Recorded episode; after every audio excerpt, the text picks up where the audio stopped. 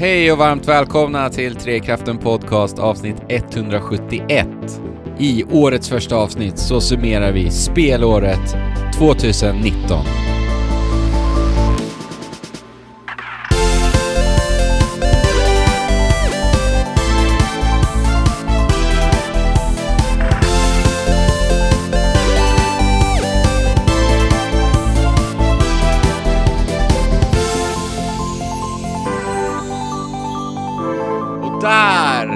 Så är Trekraften äntligen tillbaka efter en härlig julledighet. Jag hoppas att vi alla haft en härlig julledighet.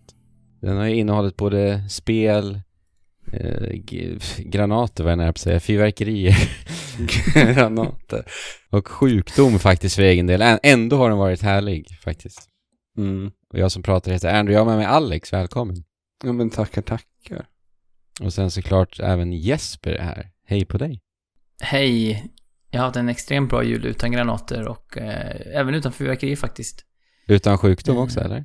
Eh, ja, jag fick lite nu typ så. Jag spelade fotbollsturnering i fredags och sen dess har jag varit hängig för att eh, tog ut mig väldigt mycket eh, tydligen. Fem matcher på kort tid eh, eh, gjorde att jag blev lite krasslig. Men det är ingen fara.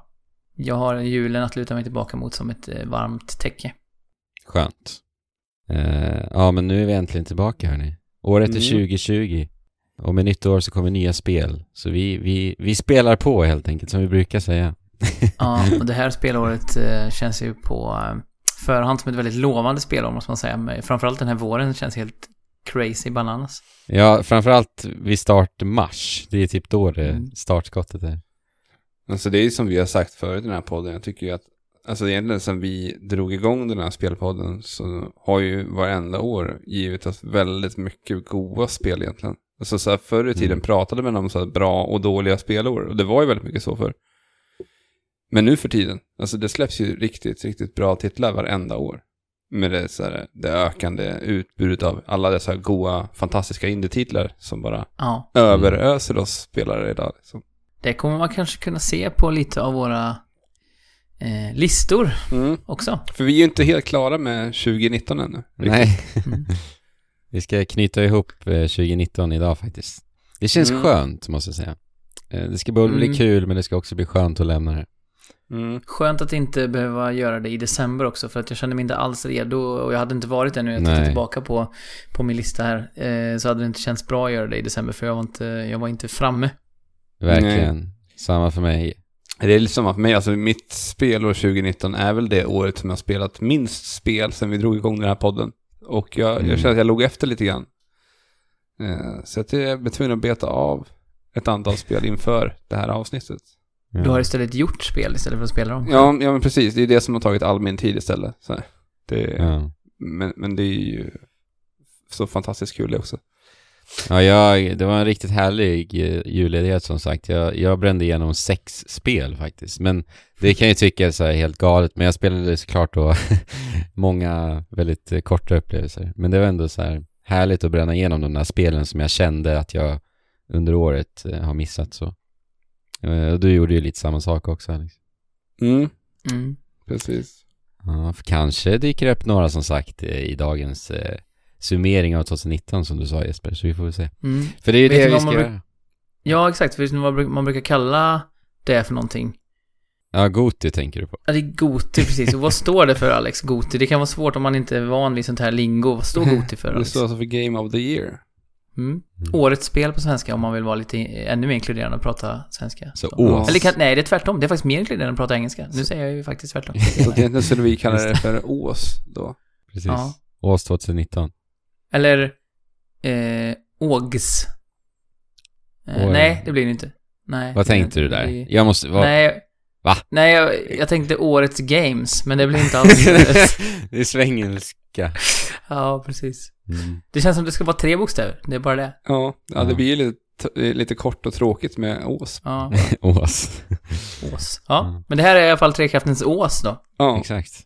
Eh, och vi kommer göra lite likt eh, det här Best av eh, 2010-talet avsnittet som vi släppte här precis innan, innan jul. Att eh, vi helt enkelt kommer gå igenom round table-eskt eh, våra fem favoritspel under 2019 då.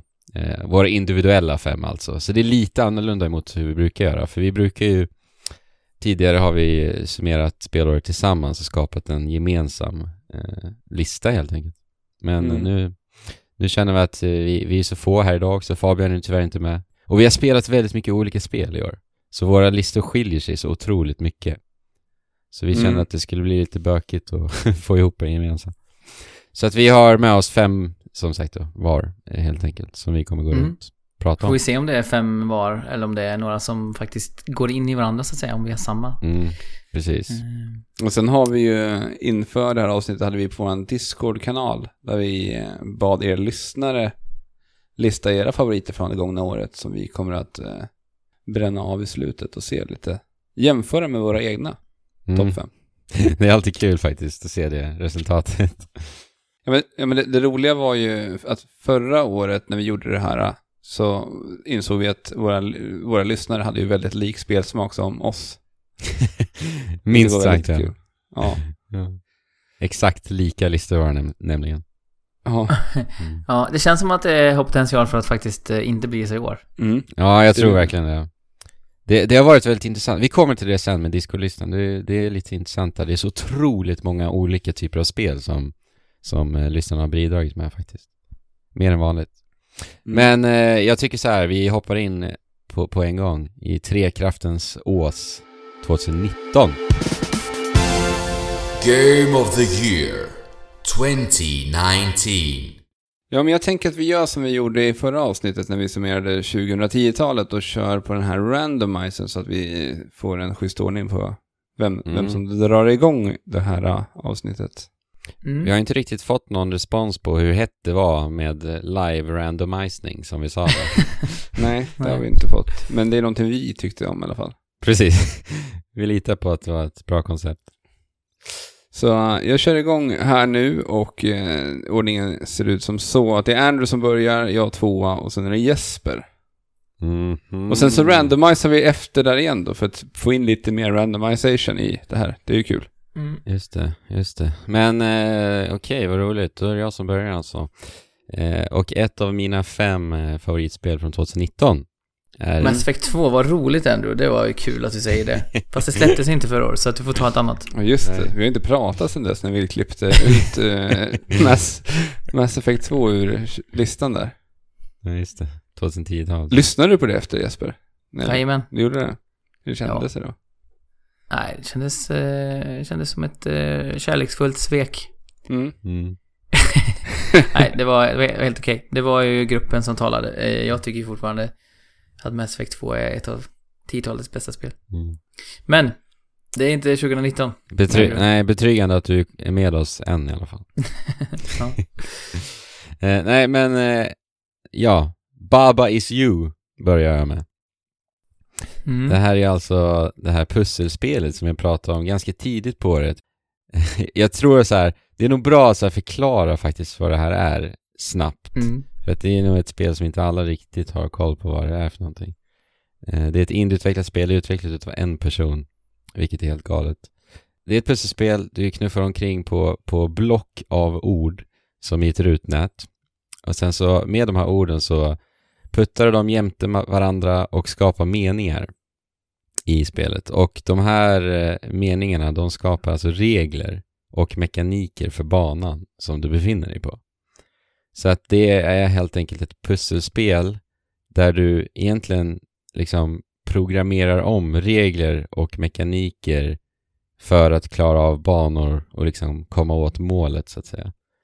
Um, så tänk er exempelvis att man gör en mening som är wall is stop och varje ord som sagt är, sagt är ett block som du liksom fysiskt kan putta på.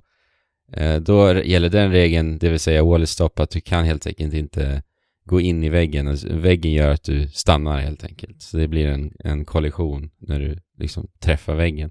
Tar du bort stopp, knuffar du bort stopp ifrån den meningen så är det ju då wall is. Det vill säga det är inte en fullständig mening, regeln gäller inte. Så då kan du bara gå igenom rakt över den här väggen. Mm. Det, är, det här spelet är ju väldigt mycket som att man har visualiserat programmeringslogik i mångt och mycket. Mm. I kontexten av ett eh, järnvridande pusselspel. Mm. För det är ju verkligen Alltså helt galet utmanande pusselspel alltså. Och det, jag tycker verkligen att, att konceptet är, alltså det är fullständigt genialiskt verkligen i, som ett pusselspel. Och det är verkligen ett innovativt koncept och just utförandet är verkligen helt fantastiskt tycker jag. Det är lite kul för jag läste faktiskt om det här spelet idag, passande nog. Mhm.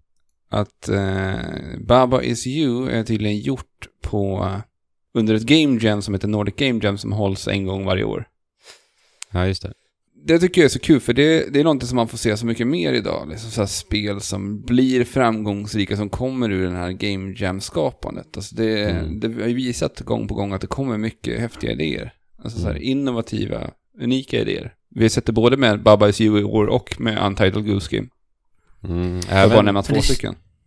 Det känns ju också som att många har blivit mer öppensinnade kring, många spelare har blivit mer öppensinnade kring vilka typer av upplevelser som faktiskt kan vara riktigt bra vad gäller ett spel. Förut Mm. kanske man var lite mer så här, ja men det är AAA som ger precis. mest på något vis. Och nu känns det Ja. som att, nej men det har bevisats många gånger att eh, det kanske är indiespelen som Ja, kan eh, påverka en mest under ett spelår och ge en mest tillfredsställelse och glädje eller vad det nu är man är ute efter när man spelar. Ja men tittar man på, på Baba Is You, det finns ju inte på världskartan att det här spelet skulle komma ut ur en AAA-studio.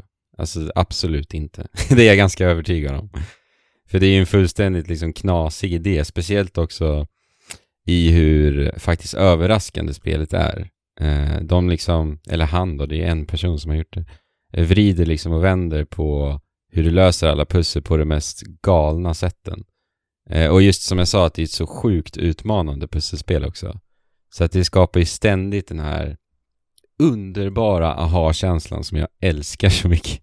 Det är den jag söker när jag spelar pusselspel. Och hur han gör det och hur knasigt allting är är bara helt underbart. Det är till och med på den nivån att det faktiskt också är skrattretande spel.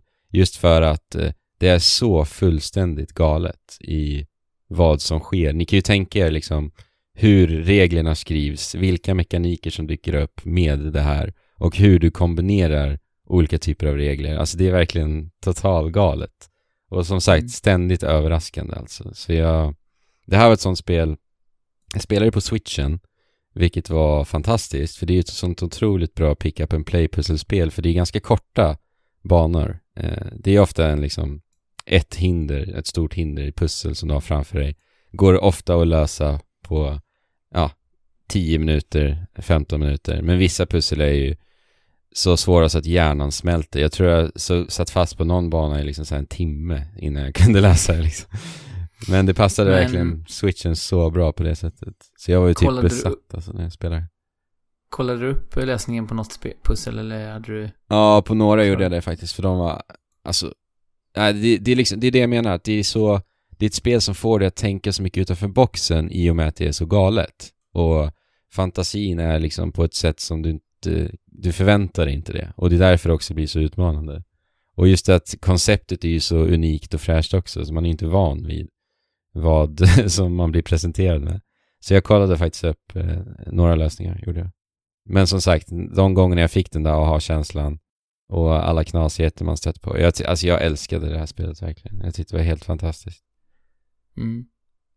En person som har gjort det. Det är ju en, det är en sån magiskt bra idé verkligen. Mm. Det är så bra. Det här spelet skulle jag ju få panik på efter en Ja. kvart, känner jag.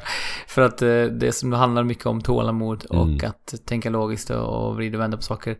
Så, eh, Nej, det här är inte ett Jesper-spel. nej. nej. det är inte. Kanske hans andra spel han håller på med skulle passa Jesper bättre. Ja, för han pysslar med någonting mer nu. Ja, men de håller på med något så här, han och eh, skaparen bakom The Swapper och sen är det någon till som gör ett spel som heter Noita. Som är ute i Early Access just nu. ah, som just är så här, eh, så, tänk dig väldigt minimalistiskt, mängder av pixlar och massa fysik. Mm, Det, alltså, kolla in trailers på det här, det ser eh, vrålhäftigt ut alltså. Verkligen. Mm. alltså. Pixlar med den typen av fysik och mängden av dem som i det spelet är, alltså det ser verkligen, det är så tillfredsställande att bara titta på det verkligen. Ja, eh, det ser skithäftigt ut. Mm. Så det, Han det är- ska han man är från- tänderna i. Visst Norge, han från- tror jag. Ja, Finland eller Norge. Jag vet att han är skandinavisk i alla fall. Det kanske var Mm. Norge, ja. ja. Mm. Ja, Baba Is You är en av mina. Vem blir det här näst då, Alex? Eh, ja, men det är jag. Det är du. Och eh, jag, jag plockade spelet som, jag, som inledde egentligen hela 2019 för mig. Och Mm. eh, det var ju Resident Evil 2. Ja. Remaken där. var det första Just som jag varit helt tagen av det här året. Varit så otroligt imponerad över hur, hur bra den här remaken är. För den är helt fantastisk. Den bästa remaken jag någonsin spelat. Mm. För att de har ju byggt ett helt nytt spel av, av Resident Evil 2. Det här är ett sånt spel, jag känner faktiskt... Jag, jag tycker inte om skräckspel. Och jag har liksom aktivt avstått från att spela den här remaken. För att jag vet ju att jag, jag har väldigt svårt för skräckspel, jag klarar inte riktigt av det. Men det är nog någonting så här. jag vill verkligen spela det här, för det verkar så bra. Och det är Ja. hyll, hyllningskörerna man hör liksom, och hur mycket du har pratat gott om det och så. Jo. Och jag vet att du har ju spelat Resident Evil förr. Ja, men det var ju, jag kom, jag kom in i Resident Evil i och med femman. Ja. Och, och femman var ju i stort sett ett actionspel alltså. Det är ju fortfarande ganska mycket action i det här. Och Ja. Alltså den, den här typen av gamla skräckspel som Resident Evil var på den tiden liksom. Det, det är inte riktigt så skräckigt egentligen. Mm. Det är ju väldigt mycket action och de här freakiga monstren. Precis, och jag gillar ju det. Ja. Freakiga Det- det- monster, det är... Men, eh, och det är så kul för att jag, våran kära far är ju ett stort Resident Evil-fan han också. Och han har ju spelat liksom allihopa. Vi har ju varit med och liksom kollat på de här spelarna från Ja, När exakt. när vi var minimänniskor liksom. Så när, när, eh, när jag lånade ut det till honom och han fick spela det. Det var liksom så pass mycket de har gjort med det här spelet att han kände knappt igen Nej. tvåan. För att de Nej. hade gjort sånt jäkla jobb med det. Ja, för du har ju inte spelat tvåan, eller hur? Nej, jag har ju bara sett det med Sett det, honom ja. liksom. Exakt. Så att för mig var det ju att bara så här, äh, få uppleva det själv. Och spela Mm. det själv.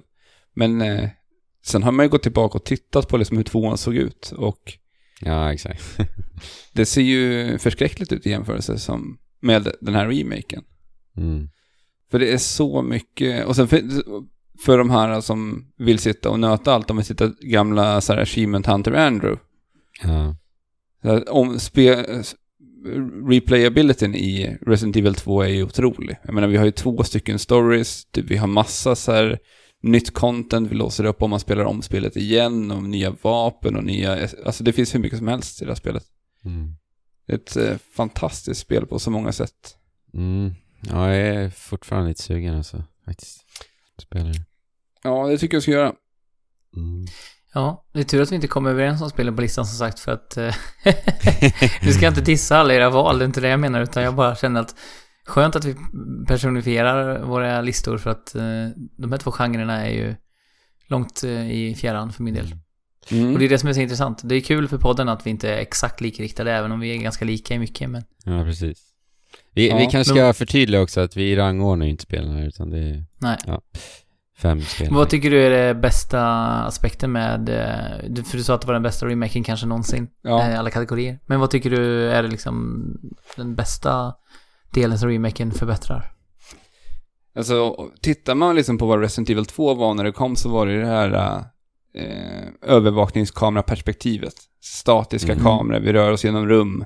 Här har vi ju liksom eh, helt fri kamera, vi kan ta oss precis vad som helst, vi kan titta på precis allting i det här rummet och utforska alla gömda vrår precis överallt. Så att Mm. det öppnar ju upp andra möjligheter för spelet också.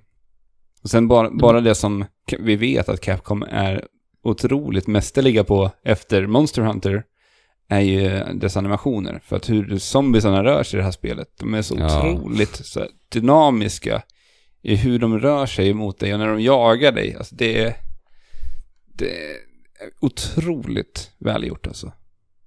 Capcom, de är på någon sorts all time high nu känns det som. Ja, men det känns som att så här, slutet av 2010-talet så verkligen snappade Capcom upp sig rejält och började pumpa Mm. ut massvis av kvalitativa titlar. Alltså. Alltså deras liksom nivå av polering är ju näst, nästan så här omatchbar i branschen just nu känns det. Ja, Mm. de, är, de är en av de bästa, ska jag säga. Tycker jag i alla fall. När det kommer till liksom spelkänsla och detaljrikedom och, ja, de är jäklar alltså. Och sen tycker jag också med eh, Resident Evil 2, den här, ja nu minns inte jag vad han heter. Han ser ut som Dolph Lundgren, den här figuren i alla fall, som jagar Ja, Mr spelet. X det, eller? Jag kommer inte ihåg vad han heter. Mr X, är inte det typiskt från Street Fighter? Nej, kanske. Eh, de är i alla fall väldigt lika. Tyrant, visst var det inte så? Tyrant heter han, just det. Ja. Eh, hans, eh, vad heter det, närvaro i, som jag, när jag pratade, det var lite kul när jag pratade med farsan. För att Mm. han eh, minns inte Tyrant så mycket som en st- så stor del av det här spelet. Nej, just det. Och kände att hans eh, fick ta mycket större plats i den här remaken, vilket är skithäftigt att de har gjort så pass mycket stora ändringar i spelet. Mm. Och jag tror att det har att göra mycket mer med att när man har större frihet i remaken, jag menar med alla dessa olika, man har ju alla 3D-modeller av hela huset, man kan göra snygga cutscenes överallt och presentera den här Tyron på ett helt annat sätt Mm. än vad man kunde göra på Playstation 2 där vi hade liksom statiska utrymmen, statiska kameravinklar. Så jag tror att det är mycket därför vi har fått, han fick ta mycket mer plats i det här spelet och jag, jag tycker han tillför väldigt mycket till Mm. hela spelupplevelsen. Han verkar Att ständigt läbbig, vara alltså. jagad av det här eh, megahotet liksom. Ja, läbbigt alltså. Så eh, Resident Evil 2, Jesper vi kan ju ta dig här nästa. Ja, precis. Då kör jag. Och kör gör jag bokstavligt talat utför ett berg i full karriär, men eh, med väldigt eh, rogivande omgivningar. Jaha. Okej. För att eh, ett tyskutvecklat downhill-spel, alltså Lonely Mountains Downhill, Ah. och, eh, var ju också ett, eh, s- en svensk eh, distributör på det här spelet. Mm. Ja, det var Just det. Eh, det vill säga Thunderful. Mm. utgivare, försöker jag säga. Eh, och eh, jag eh, trodde väl att det här spelet skulle bli kanske mer av en eh, trials-hets, det vill säga ehm, att jag såg mina vänners tider och satt och liksom stångade pannan blodig mot att försöka slå tiderna. Mm. Eh, Men så blev det inte riktigt. Det var väl för att det inte var jättemånga av mina vänner som spelade spelet på PS4 och det var inte heller... Eh, spelet satte inte vännernas eh, tid i fokus på samma sätt som Trials gör. Där ser man ju liksom spöken och sådär. Det finns ju inte i, i eh, Lonely Mountains. Utan istället så blev det eh, en väldigt medit meditativ och härlig upplevelse att försöka hitta de optimala vägarna nerför berget och testa sig fram. Eh, och inte minst njuta då av att det faktum att det faktiskt inte finns någon musik överhuvudtaget i spelet utan bara är suset från vinden i dina öron, eh, ljudet från friktionen mellan dina däck när du bromsar och gruset. Eh, eller ljudet när du rullar över en träbro eller vad det kan tänkas vara. Och fågelsång och vatten som forsar och allt möjligt. Som ljudbild betraktat så är ju det här det bästa spelet i år. Skulle jag säga. Ja, det, är, det är så Eh, fantastiskt att de inte ens har någon musik till det här spelet. Att man bara lyssnar på som naturen och alla ljudeffekter av cyklandet. Ja, man blir ju... Det gör ju hela skillnaden. Hade det varit så här... Tony Hawk. musik som Ja, precis. Musik som gjorde att det blev eh, en, en intensiv inramning istället så hade ju hela konceptet fallit. Eller inte hela, men stor del av konceptet hade fallit. För just kontrasten mellan att det går oerhört fort, det är väldigt precisionskrävande och samtidigt så har du hela det här naturlugnet runt omkring. Mm. eh, är ju en stor del av tjusningen. Och sen är det ju väldigt snyggt också med den här low poly-stilen. Mm. Ehm, jag tyckte, det finns ju fyra berg, jag tyckte andra berget, det är det snyggaste berget med en höstinramning. Men det tyckte jag också var det minst intressanta. Eh, och det blev också lite sådär, tappade farten lite när jag kom dit. Men sen så såg jag då på berg 3 och 4 att det var ungefär samma känsla som i berg 1. Eh, det vill säga eh, full fart utför snarare än att snirkla sig så mycket som man var tvungen att göra på andra berget. Ehm, men det här var ett spel som jag fastnade i ganska hårt och som sagt försökte förbättra mig själv, försökte hitta alternativa rutter och så. Ja, Det var ju samma för att- mig när jag spelade det här spelet. Mm. Men jag minns ju när jag pratade om det att eh, jag var ju besviken på att man inte kunde eh, ta genvägar och skippa checkpoints. mm, För att jag började ta de mest extrema ban- vägarna direkt och lyckades hoppa, hoppa ibland en eller två checkpoints. Och det, var, det gick ju inte, det ville inte spelet att jag skulle göra. Men mycket annat av det var, älskade jag ju med spelet. Jag tycker att det är ett superhärligt spel och framförallt kontrollen tycker jag är ju helt magisk i det här spelet. Ja, den är ju exakt så responsiv och eh, blir som en förlängning av fingrarna liksom. Man, man känner att man gör exakt det man vill hela tiden. Mm. Eh, och sen så då eh, risk och belöningsmomentet av att eh, använda sin, eh, ja, sina pedaler och trampa på helt enkelt och ge extra fart. Eh, jämfört med att då kunna hantera cykeln. För att ju snabbare cykel du har också, desto mer instabil blir den oftast. Så att det är ju Mm. mindre marginal för att göra ett misstag. Ehm, ja, men det är ett, eh, ett njutbart spel som... eh, ehm, jag tycker för min del, vi var inne lite på att tidigare, eh, pratade om Alex, att, eh, att det inte finns några dåliga spelår längre. Jag tycker inte att det här är ett dåligt spelår, men jag tycker ändå att, att eh, det saknar vissa sådana här supertoppar för mig. Så det här, eh, Lonely Mountains Downhill är mer så här, det var ett spel jag verkligen hade det härligt och skönt med. Mm. Eh, snarare än att jag blev helt eh, tappad hakan över hur mycket förälskad jag blev i det. Eh, Du blev inte att, celestad. Nej. Nej. Och inte, inte Breath of the Wild heller liksom. inte den känslan har jag inte uppnått någon gång under det här året. Men det här var absolut en av de upplevelser jag har liksom njutit mest av under året. Mm. Mm. Ja, jag känner att jag behöver spela det här spelet. Jag väntar ju lite på Switch-versionen tror jag, eh, undermedvetet. Mm. Det är ett jättebra Switch-spel verkligen. Ja. ja, vem är härnäst då, Alex? Vi, men vi kör en randomize här igen och ser vem det Ja, blir. ja. Och då är det Jesper igen faktiskt. Oj. Det är bara... Mm. Då kanske vi går ifrån den här fridfulla nedförsbacken med eh, fågelsång till eh, att bada i blod och demoner och det kanske inte riktigt är det ni är vana att eh, Nej. Höra från min sida. Nej. Men jag har ju liksom... Vi, vi pratade om, om Bloodstain här i, i eh, Ah. våras. Just det. Eh, och- eller i somras var det kanske snarare.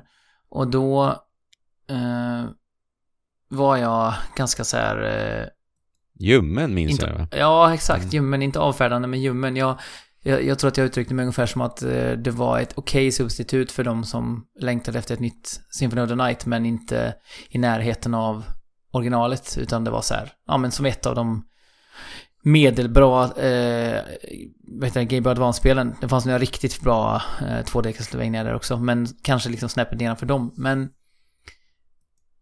jag har liksom skrivit ner några spel som jag har velat återkomma till eh, här när jag har varit ledig, som jag vill ge en ny chans. Mm. Eh, och då var ju Bloodstain ett av dem.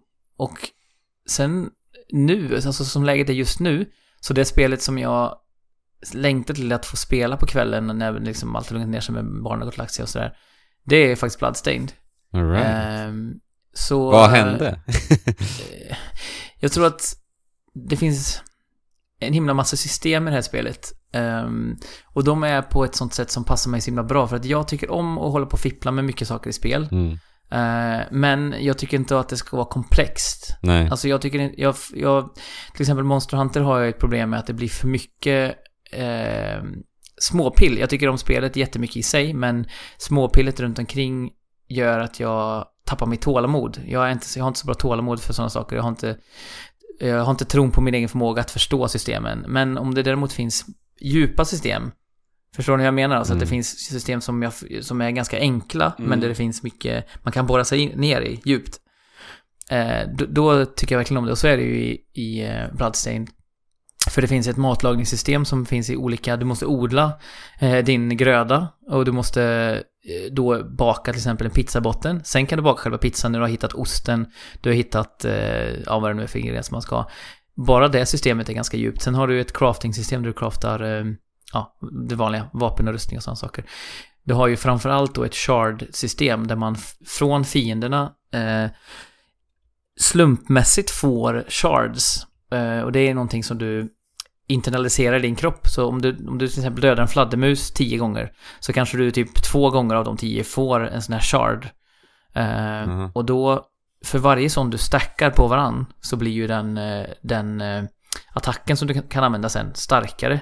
Okej. Så att eh, du, du kan grinda till dig eh, sådana här stacks då. Men sen kan du även uppgradera Eh, Så det finns två stycken parametrar på varje sån här shard, så du kan både uppgradera antalet och den gör attacken starkare. Men du kan också ranka upp den hos en, eh, eh, ja men i en shop. Och då kan du använda material du hittar i spelet till att göra till exempel fler av den här fladdermusen som kommer ut eller de håller sig ute längre eller någonting sånt. Men Så är det finns det, liksom, är det ganska stor frihet också i hur du liksom kan experimentera med den här biten? eh, alltså alla fiender i spelet, vilket är extremt många Ja. olika, har en shard. Okej. Jaha. Eh, och sen har de ju olika drop rate, alltså fladdermössen är ju liksom det, den som har förmodligen en av de eh, mest generösa drop ratesen för den är ganska liksom basic. Eh, men jag menar, det kan, ju, det kan ju, du har ju dessutom fyra olika shard-kategorier, så det är allt ifrån en passiv buff till en så här, eh, du manipulerar omgivningen på olika sätt, eller de här, eh, ja, attack, eh, eh, shardsen som du har. Men du kan också ha en som heter directional, så där har jag till exempel en borr som kommer ut och så kan jag rikta den hur jag vill och för varje sekund jag har ute borren så drainar den min eh, magimätare.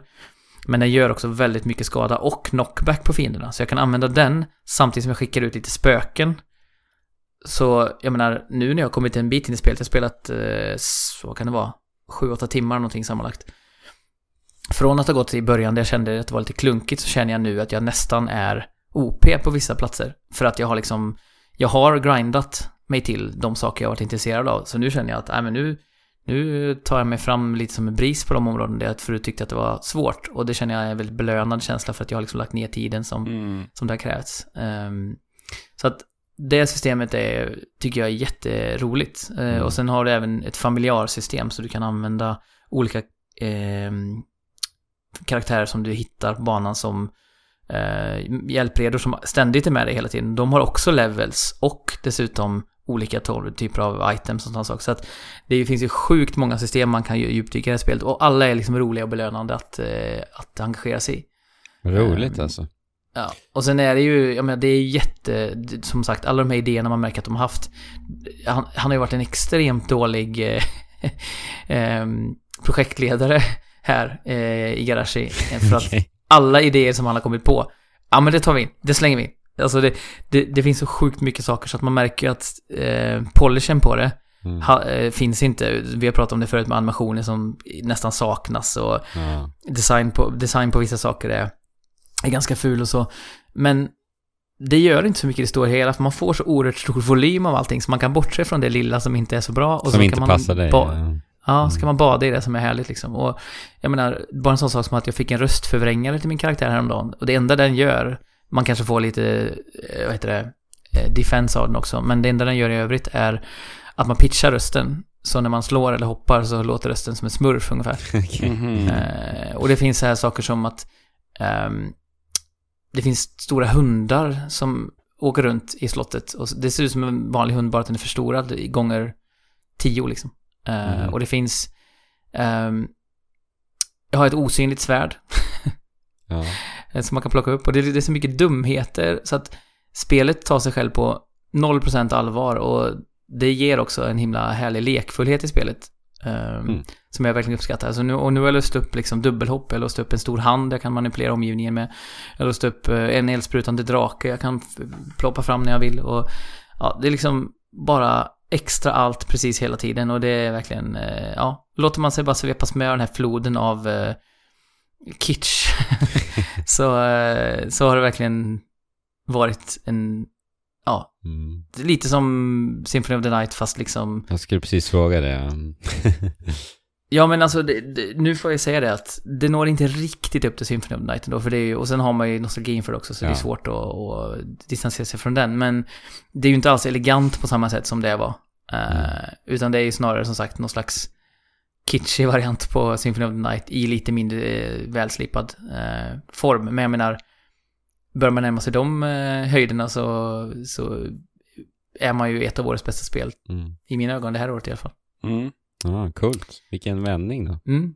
Så Ja. för er som, eh, som studsade av spelet tidigt likt mig, ger det liksom en eh, tre, fyra timmar till så får vi se om ni fastnar. Eh, Shovel Knight finns ju med i spelet också förut. Jaha. Jaha, okej. S- Som är en sån här shard, eller en fiende då, så man kan få en shard så man kan framkalla honom. Ja, Eh. eh, egentligen så borde man ju inte vara förvånad över det. Han Shovel Knight. lite Nej. varstans. Ja, han finns ju överallt. Precis. Mm. Mm. Ja, men då är det, det är Andrew som kommer härnäst nu då, med Ja, din det andra. är jag alltså. Eh, vad ska vi ta härnäst? Ja, men då tar vi väl Death Stranding faktiskt. Det är ett av Mm. mina fem. Eh, och det här kanske är lite förvånande liksom. Eller för mig personligen är det lite förvånande. Eh, jag, jag tycker om Kojima jättemycket. Eh, gjort det ända sedan Metal Gear Solid 1. Men liksom allt jag såg ifrån Death Stranding på förhand när det kommer till spelmekanik var ju sånt som jag tänkte, men herregud, det där spelet kommer inte jag tycka om. Eh, och det var liksom den inställningen jag hade egentligen eh, när jag spelade spelet också. Men jag vart ju verkligen eh, slagen på nosen där alltså, för att det var verkligen ett spel eh, som föll mig i smaken på många sätt faktiskt. Eh, men det, det är liksom, det var en oväntat eh, fin och stark berättelse, vilket jag också inte alls var beredd på. Eh, jag är bara så, så fascinerad utav den här skruvade världen verkligen som Kojima Productions har byggt upp. Det, det var liksom en värld som fick mig att så här, bara glömma bort allting runt omkring mig när jag spelade spelet. Jag var så här totalt uppslukad bara för att allting var bara märkligt och fascinerande ständigt som sagt. Så. Eh, och sen så känns det som ett så uppfriskande spel. Det här är ju också en AAA-utvecklare. Det är ett spel som inte alls fokuserar på våld. Fokuset handlar om att leverera paket, att liksom vandra omkring fantastiskt stillsamt i, i otroligt vackra miljöer. Och det var så här någonting som kändes så himla fräscht och unikt för att det också var kul att göra det. Eh, för det är ett, ett väldigt så här beroendeframkallande spelförlopp tycker jag faktiskt att spelet har. Eh, du liksom ständigt låste upp nya verktyg och nya leksaker att leka med. Och sen är det ju liksom Kojima-tonen på det hela. Så att det ju, finns ju alltid en så här komisk underton också som, som ändå så här gjorde att man drog på smilgroparna i allt det här. Eh, jag älskade den här Monster Hunter-eska förberedelseprocessen. För det handlar väldigt mycket om att liksom förbereda inför sin leverans och så. Eh, det tyckte jag, fann jag väldigt mycket tillfredsställelse i sig i också. Eh, men inte minst också det som kanske är mest eh, eh, häftigt med spelet är ju just det här innovativa, passiva, online kooperativa delen. Där vi liksom hjälper varandra, alla som spelar Death Stranding hjälper varandra i att ta sig igenom den här världen och eh, sammansluta landet och det är det som går, går in i narrativet så snyggt också. Alltså det, det var verkligen ett spel som, som känns som att ja men det är ett sånt spel som verkligen inte kan vara någonting annat än ett spel. Och det är det jag också eh, tycker så mycket om med spelet. Det är en otroligt unik upplevelse verkligen. Det är kul med Death Stranding och Bloodstained för de är två så otroligt olika spel där Bloodst- Bloodstained liksom ingenting makes sense och hänger, eller hänger ihop liksom. Allt är bara roligt. Man har bara tagit designbeslut för att ja men det här är kul, det slänger vi in. Mm. Eh, Där Death Stranding är raka motsatsen, att alla saker går in i varandra, som du säger, gameplay och berättelse till exempel, och, är, Mm. och, och multiplayer-aspekten är så tätt sammantvinnat så att, så att det är liksom eh, finslipat på millimeternivå hur de ska klicka ihop liksom. Ja, verkligen. Eh. Alltså produktionsvärdena är så här, man svimmar ju av dem alltså. I Death Mm. Stranding också. Men det är en ganska snabb produktionstid på det där spelet. Ja, Alltså det är det som är så sjukt också. Hur lyckades de liksom? Det är typ två år, någonting sånt. Två, Ja, tre år. Ja, tre tror jag. I ren Galet produktion. Ja. För Kojima gjorde mycket av förproduktionen också på egen hand. Eh, innan han startade studion och så. Men ändå, det är, det är helt galet faktiskt. Det här släpps ju till PC också nu, nu i år. Jag Ja, tänkte det, säga det nästa år. Precis, så att då får ju flera eh, komma åt spelet. Det är ju det är ju alltid härligt va? Ja. Ja, jag gillade det här spelet väldigt mycket. Death Stranding alltså. Och sen är det jag här som eh, den tredje av oss. Mm. Eh, säg ett nummer mellan ett och fyra, någon av er. Fyra. Eh, och då är det ett spel som både jag och Andrew tog oss an under våran julledighet. Ja, ja, äntligen kommer Och som Jesper också har tagit del av. Men som inte, han kanske inte har samma känslor för det här spelet som jag och Andrew har. Nej, Mm, nej, det kan vi nog med säkerhet säga. Och det är spelet Outer Wilds. yes. Eh, jag gick in i det här utan att ens... Vi, vi, har, vi har haft en följare på Twitter och på Discord. Som kallar sig för Bevakaren, som har tjatat om det här spelet ända sedan det släpptes i maj egentligen. Som rekommenderar oss för, eh, både mig och Andrew att så här, spela det här. Just för att vi, så här, vi båda pluggar speldesign och han sa det här måste ni kolla in. Mm. Sen har han varit på oss liksom sen dess. Och jag kastade mig in och bara visste inte riktigt vad jag skulle förvänta mig av det här spelet. Nej, alltså det jag visste på förhand, det var att det är ett spel med en time loop där du utforskar rymden. Det var det enda jag Ja, visste. ja, jag visste att det var utforskande av rymden. Jag visste inte om timeloopen, så den var ny för mig Ja, när jag gav mig in. ja. Vilket eh, var intressant. För det märkte man ju ganska så tidigt. Och eh, det här gör ju, alltså sammanfatta Outer Wilds, det, det är en utmaning alltså. Mm. Eh, Ja men det är, det är väl ett rymd... Alltså, en rymdutforskare. ja, du, det du är en, du är en astronaut. Du sätter dig i ditt lilla rymdskepp och du ska ut och utforska rymden. Efter 22 minuter så exploderar solen och sen så börjar du om från där du började. Så att det är 22 Mm. minuter på dig. Och sen så medan du är ute och utforskar så hittar du ju liksom brödsmulor utav information om en eh, utomjordisk ras som tidigare har liksom levt i det här solsystemet som ni nu befinner er i. Så Mm. att då ska ni liksom luska i något mysterium såklart då. Eh, som den här eh, utomjordiska rasen tidigare har luskat i. Så du liksom plockar upp deras forskning egentligen kan man säga. Eh, och fl- liksom slutföljer, vad heter det, fullföljer. Det som var så roligt när jag kastade mig in i det här spelet var ju att jag spelade det här väldigt mycket som jag spelar andra spel.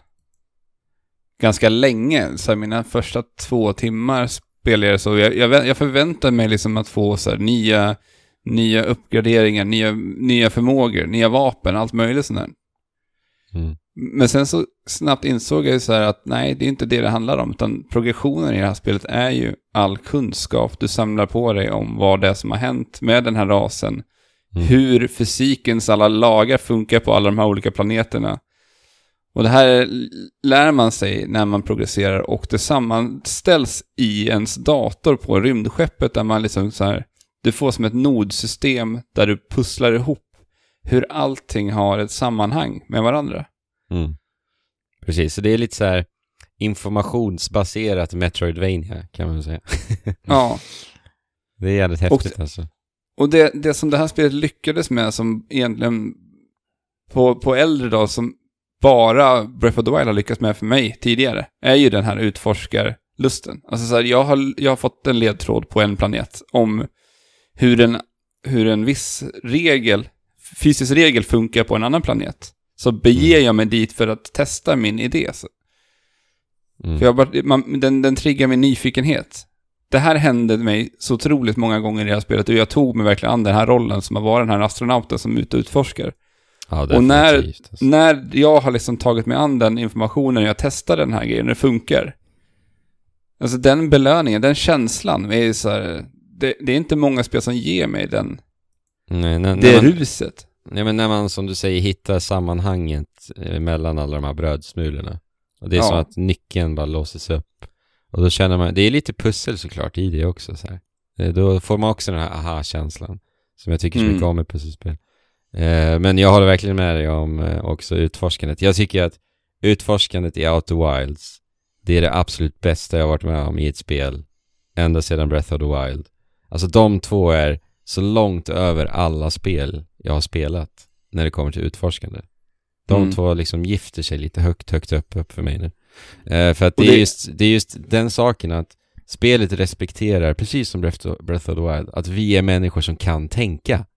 Det är ju Mm. det som är grejen. Och alltså solsystemet är så sjukt, sjukt bra designat för att det är så kreativt. Ah, Jag tycker alla planeter är så kreativa. Ja, men de har ju gjort så mycket, de har gett varenda planet så otroligt mycket egen Ja. identitet. Alltså Ja. de, har, de fungerar olika, som jag sa, med fysis, fy- fysiska lagar. så beter sig alla de här planeterna helt olika med gravitation och vissa som är liksom så noll gravitation och ja, det, det är så otroligt Mm. häftigt att lära sig hur de funkar.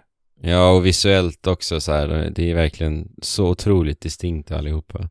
Ja. Eh, och det gör ju att varje, alltså för mig de första två timmarna i det här spelet var typ, alltså det är så topp magi upplevelse för mig i spel.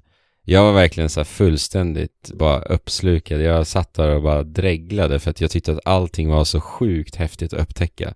Just för att hur kreativa de är och hur planeterna fungerar och liksom alla naturlagar de kommer med och sådär.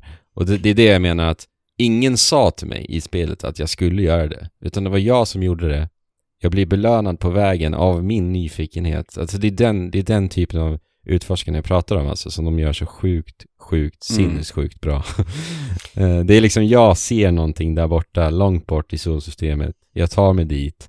Väl framme hittar jag, fortsätter jag hitta liksom eh, geometriska former eller som ser konstiga ut liksom i periferin. Jag vill ta mig dit för att det ser spännande ut. Jag tar Mm. mig dit, jag blir belönad med information, en liten brödsmula som tar mig till en annan plats. Alltså du vet, det är där det här spelet blir fullständigt magiskt alltså. Att man bara sippsappar i det här solsystemet, du hittar nya brödsmulor för att liksom komma åt det här större mysteriet som också i sig är väldigt intressant tycker jag. Eh, alltså, åh.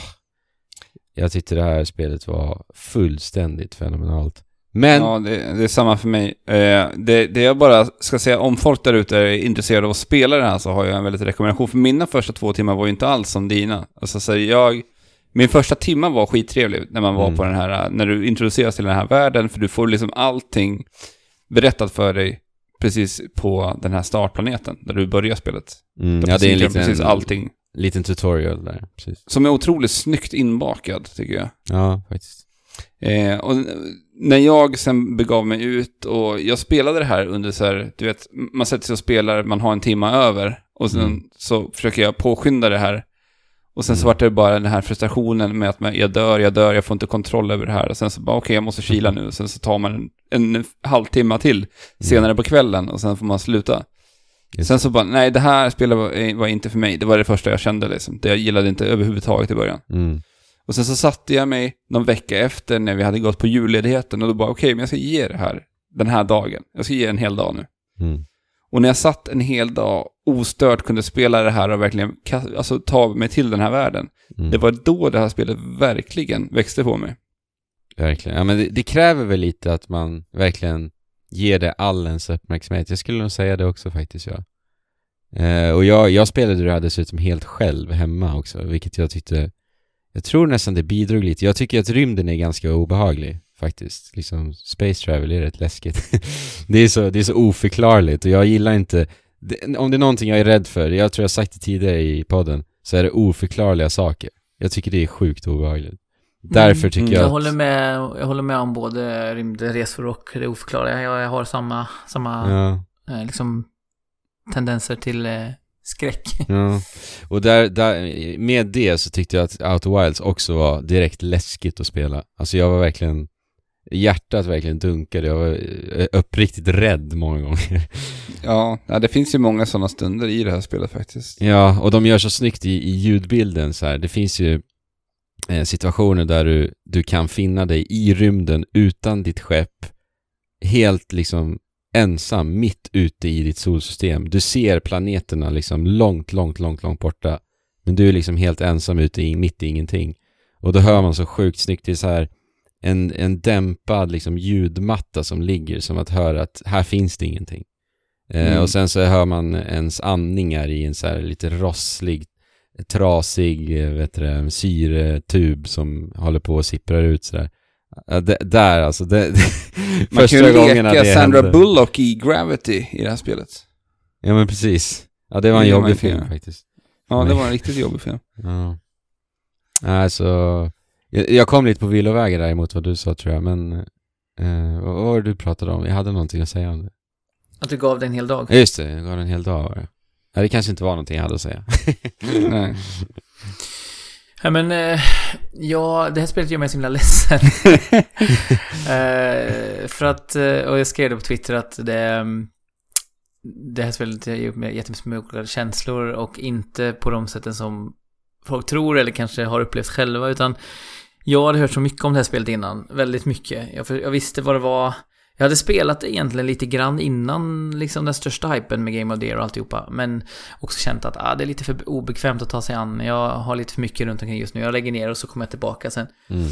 Eh, och sen när det var sån hype så kände jag att ah, men nu får jag göra det innan vi ska innan vi ska sammanfatta det här året. Så då gjorde jag ju samma sak som Alex. Jag satte mig ner flera, flera kvällar och för min del så kanske det är typ två och en halv, tre timmar i sträck är det jag kan liksom Mm. hinna med oftast.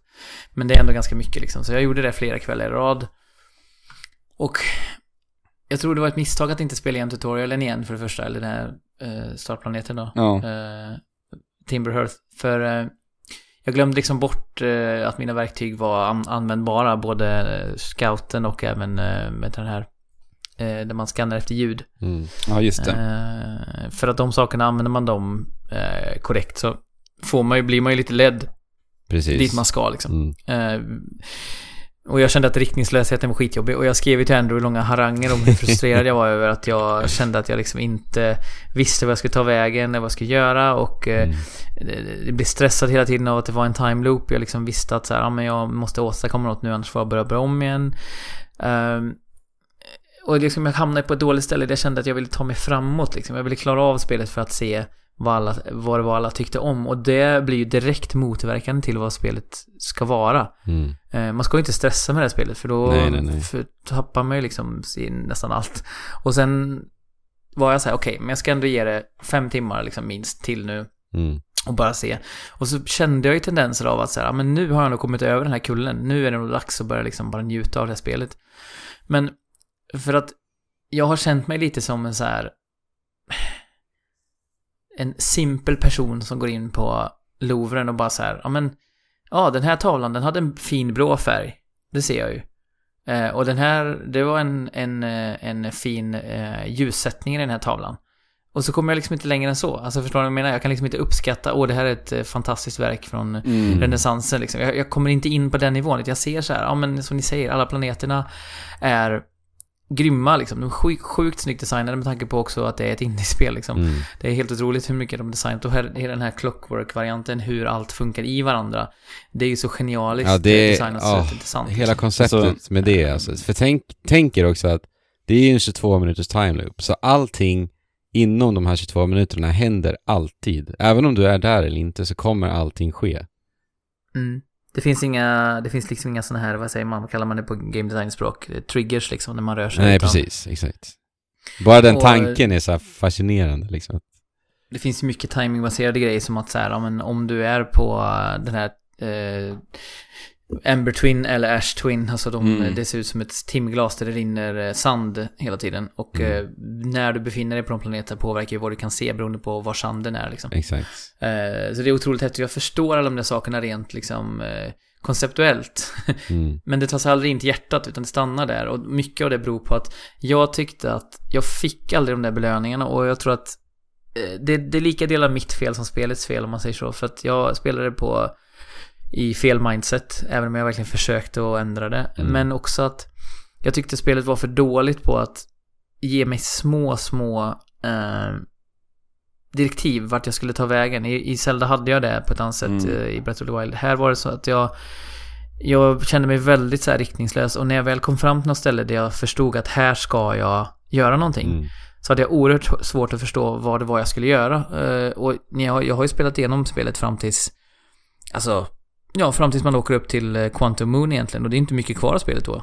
Eh, Men jag, när jag läste på sen vad det var jag skulle göra så kände jag bara nej, jag känner ingen lust för att göra de här sakerna utan det blir bara att jag kollar på en guide och så genomför jag sakerna och då försvinner ju liksom hela poängen Ja, med spelet. eh, Och för jag kände liksom att vissa sakerna var så här.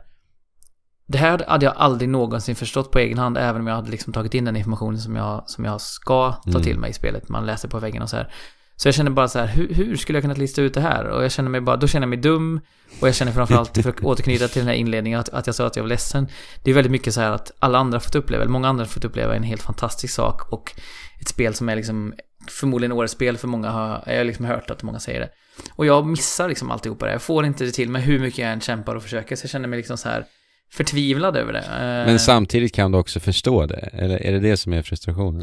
Ja, det är väl Mm. det som är jobbigt. Hade jag bara tyckt att nej, det här är liksom, eh, det ligger inte i min smak överhuvudtaget. Mm. eh, Liksom. Eh, Men det är ju inte så, utan jag bara, jag vet inte, jag har tänkt, för att vara ett spel som jag inte har med på min eh, årets spellista så har jag tänkt otroligt mycket på det här spelet och hur jag förhåller mig till det. Mm. Jag, jag kan Eh. förstå mycket av det du säger med att dessa, att du hade velat ha lite mera tydliga pointers till vad du skulle. För att jag upplevde väldigt mycket det du säger, just inledningsvis. Mm. Och sen så begav jag mig till, jag tror det är Polygon som brukar så här summera spel som de spelar, men det ger lite så här bra tips att veta innan du börjar spela, det här, spela Ja. ett specifikt spel. Så jag gick in och läste där.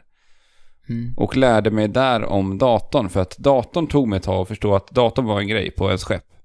För att få Mm. riktningar. Men jag tyckte ändå inte att den var tillräckligt, gav tillräckligt tydliga riktlinjer för vart jag skulle gå härnäst. Den gav, Nej. den hade som en liten markör på olika planeter som säger att här har du mer att utforska. Mm. Men jag hade velat att de skulle använda den något mera. För att det var många gånger som jag hittade saker som var liksom superviktiga för mig för att progressera. Men det hade fortfarande ingen markör på den planeten. Så att Mm. det skulle men- behövas en lite tydligare riktning för många. För att jag och Andrew, vi hade ju ändå varandra. Så att när vi Mm. körde fast så, så kunde jag bara skriva till Andrew och fråga, har du, mig, har, du någon, har du utforskat allting på den här planeten? Mm. Jag behöver en pointer på den här planeten för vad jag ska göra liksom. Utan att sabotera för, för varandra liksom. Precis, vi gav varandra lite subtila pushar bara liksom. Mm. Eh, för för jag, jag, jag kan ju också förstå den där riktningslösheten verkligen. För att jag berättade ju här tidigare nu att de första två timmarna var magiska för mig. Och sen, i drygt kanske tre timmar efter det, så var jag också, alltså, frustrerad rent av. Så att jag ska säga att jag tycker att Outer Wilds absolut inte, det är inte perfekt som en helhetsupplevelse. Jag tycker det har sina skönhetsfläckar. Skönhetsfläckar verkligen. För att jag tycker verkligen att spelet kan ha en tendens av att ge en alldeles för mycket information. Mm. Och, och det blir, alltså jag blev, för, för mig blev det så i min upplevelse. Jag fick för mycket. För att min, min fascination i början var ju som sagt att bara upptäcka. Eh, men sen så slutade det med att när jag gick till datan efter de där två första timmarna så hade jag så sjukt mycket. Så jag, jag visste inte liksom vart jag skulle lägga fokuset. Och det gjorde Men att hade du jag... också missat datorn i början där eller? Nej, den, jag, det första jag gjorde var bara att utforska skeppet, så Ja, jag okej. hit- hittade den ganska snabbt. Men då var det verkligen bara så här: okej, vad gör jag? Jag blev liksom eh, alldeles för överrumplad och jag tappade fokus. Och sen försökte jag gå för någonting och sen hittade jag ingenting och då var det bara skapades det frustration. Jag tycker också att döden är lite utav ett problem i spelet. Jag tycker att den känns rent av onödig många gånger faktiskt. För det är ju i grunden ett pusselspel också. Och jag tycker att pusselspel bör, tror jag, det här är någonting jag tänker på för mig, låta spelaren lösa pussel i en säker miljö och ta din tid så att säga. Och där känner Jag jag, att det krockar lite liksom med vad spelet vill. Så här. Mm. Ja, jag tycker också att, för där kommer ju kontrollerna in. Jag, Ja, exakt. Kontrollen också. Jag, jag tycker inte om, alltså styrningen av skeppet, det är ju medvetet lite så här, man flyger ett himla träskepp som man Mm. slamrat ihop. Det är ju väldigt charmigt, men Det, det känns ju väldigt tycker- mycket som en leksaksskepp tyckte jag. Ja, Mm. men jag tycker, jag tycker det, det är inget skönt, alltså den in, intuitiva känslan att flyga, äh, flyga mm, skeppet infann sig aldrig typ efter, fast jag spelade spelet liksom mer än tio timmar. Jag körde alltid Och- autopilotgrejen alltså. Ja, men jag tycker den är också lite klunkig på sina håll. Men jag tycker samma sak med rörelseschemat i övrigt när man ska hoppa och jetpacka. Mm. Känns inte heller, och jag tycker Ja, jag håller med. Jag vet inte, det är, det är ju fullständigt orättvist egentligen för, att säga så här, men det märks på sina ställen att det är ett indiespel, även i världen, att saker och ting eh, copy-pastas lite ibland. Och då, då, jag tappar lite immersionen. Men jag- ska säga bara två saker till, jag ska sluta, för att det här är ju, det här är ett av årets spel uppenbarligen, så jag ska inte kritisera det liksom. Men det är mer mitt, det är mer mitt förhållande till spelet. Men, men eh, två saker. Det ena är att jag tycker inte om att känna mig liten, som sagt, som i rymden. Jag, jag, Mm. jag, jag, jag njuter inte av den känslan, utan tvärtom. Jag blir stressad av den och, och tycker att det är läskigt. Så jag, jag, det var en, ett minus i mitt förhållande till spelet. Men å andra sidan, så att jag kollade upp slutet då jag var ju så nära, jag var ju liksom bara några, några timmar ifrån slutet. Jag tänkte, äh, jag kollar upp det så får jag veta Mm. hur det slutar och jag tycker slutet är ju så himla fint. Eh, vi kanske inte behöver spoila exakt vad det är, men Nej, nej, slutet är så himla fint och, och det knyter liksom samman hela den här känslan av eh, obetydlighet och litenhet med ändå hopp på något vis. Mm, Eh, Verkligen. Så slutet är jättefint. Så det, ja, jag, som sagt, jag ser konstverket, jag kan uppskatta det rent eh, intellektuellt, men inte känslomässigt riktigt, tyvärr. Som ni kan, på samma Mm. sätt. Eh, Ja. men det är jag som, det är, jag som är, på fel sida av strecket här, för att det verkar som att nästan alla som pratar om spelet eh, har eh, fallit head over heels för det, så det är ju härligt. Jag är glad för en skull. Ja, I, I love it. I love this game. I think it's uh, amazing. eh, vi pratade ju om 2010-tals bästa spel. Alltså, nu, nu var det ändå så här tre veckor sedan tror jag jag klarade av spelet. Och jag tänker fortfarande på det ibland. Ja, men det är samma här. Alltså, Ja. jag, jag slås ju så otroligt mycket av hur de har gjort det här rent tekniskt, för att det, det är Ja. ju det är helt sjukt. Ja. Det här är ju från början också ett studentprojekt Mm. av en snubbe som gjorde, som satt och, de har ju släppt en dokumentärfilm om hela produktionen av det här nu. Så att för alla er som Ja. inte har sett den, kolla den på, på NoClips YouTube-kanal. Mm. För att det, det är så otroligt häftigt att se vad det här har gått ifrån det här gamla studentprojektet och hur Mm. han testade att bygga solsystem och rymdskepp och allt där till liksom. Mm. Till att de har fått nu en redig funding och ett ordentligt team som har gjort det här spelet på bara några år liksom. Det är Mm. otroligt imponerande. Ett otroligt, otroligt imponerande hantverk. Det är fantastiskt. Ja. Eh, så, ja, ja, det är ett av mina också, men det fattar man. I guess. Ska vi, ska vi slumpa vidare och se vem som startar här nästa? Ja. Och det är jag igen. Okej. Så, så att jag kan ju fortsätta på ett spel som jag drog igenom här under julledigheten. Det är också ett så här en, enmansprojekt. Och ett spel som heter A Short Hike. Just det. Jag har också spelat det faktiskt nu. Som eh, är... Tänk, er eh, ett 3D Game Boy Advance-spel. Där vi har Mm. så här tydliga pixlar. Det är liksom så det här spelet ser ut i en eh, jättefärgrik värld med massa djur. Med antropomorfiska karaktärer. Lite Animal Crossing. Mm, ja, det är väldigt mycket Animal Crossing. Och det har ju skaparen Adam Gryu, som han kallar sig, varit väldigt öppen med. Mm. som ett stort Animal Crossing-fan. Så att det här spelet så tar vi oss an rollen som eh, Claire, en fågel som, eh, som, vi, som vi spelar som. Som beger sig ut i den här eh, lilla ön och ska bara lämna, ska iväg och lämna storstadslivet för en stund. Och hon, hon inser ju ganska snabbt att hon har ingen mottagning på sin telefon. För att hon, det, är ju egentligen det första hon säger. Åh nej, det kommer inte finnas någon mottagning på den här planeten. Eller på den här, nu har vi pratat planeter, eh, på den här ön. Eh, så att istället så börjar hon då traska runt i den här, eh, i den här stora parken. Och prata och lära känna alla dessa härliga karaktärer som man stöter på. Ja, för premissen är ju att hon helt enkelt vill ha mottagning på telefonen. Så att hon ska Ja. ta sig till den högsta punkten på berget på ön. Precis. finns. Ja, för Men hon blir ju ganska tidigt i spelet uppmanad till att bestiga det här stora berget. Ja, för att det är fint. Men då kommer ju hon på, ja men då får jag också mottagning på mobilen. Det är ju perfekt. Mm. Men jag, jag spelade det här spelet idag. Ja, det gjorde ah, Eh, jag hade tänkt spela det tidigare, men jag fastnade i Bloodstain. Ja. Eh, men eh, det som jag tycker är lite fint är att eh, med hela premissen där, som ni säger, att man tror ju först att det är en typisk tonåring som bara måste ha, inte kan utöva naturen och bara måste ha sin telefon. Men man förstår ju också att hennes eh, moster, som det visar sig att det är sen, som man träffar i början, som man åker med till, eh, till parken där, Mm. till eh, den här ön. Man får höra att hon säger, "Ja, men varför behöver du en telefon för? Ja. Jag vill njuta av istället. Men då säger hon, jo men jag behöver för du vet den där grejen. Mm. Så märker man att det är något hon är orolig för, för att hon ska få ett besked. Men man vet inte vad det är, Nej. utan det lämnas ganska fort. Det är ju första fem minuterna i spelet liksom, sen lämnar man det bakom sig. Ja, precis. Eh, och det här är ju Mm. en short hike. Det är, en väldigt kort upplevelse. Det tog ju Ja. två timmar drygt för mig. Att dra mig Och det gjorde du- Ja. Det gjorde du allt i spelet också. För det finns ju ganska mycket att utforska på de här ändå få timmarna i det här spelet. Mm. Det tog mig en timme, Ja. faktiskt. Hur många Eh. djur hjälpte du? Du känns inte så hjälpsam när du säger sådär Jesper. Nej, men grejen var att jag eh, skulle hämta Nilsson hans kompis och vi skulle käka middag och lägga barnen. Så jag var bara så här, okej, jag måste, innan vi pratar om eh, årets spel så måste jag spela det här. Mm. Eh, och, och, så, så nu har jag liksom klarat spelet inom citationstecken då. Och jag har sett credits. Men nu kommer jag ge mig ut på ön och eh, hjälpa alla som jag inte hann hjälpa på vägen. Du har clariat Mm. spelet. Ja, Clariat, exakt. Mm. Nej men eh, det som ni sa om Animal Crossing, det är otroligt eh, slående för man bankar ibland på en sten och får massa pengar. Ja. Eh, och då kommenterar de också på så här, eh, ens moster säger eller att ah, det här med en sten som du får pengar av när du slår på, det, det, det, det köper jag inte, det tror jag inte att du har hittat.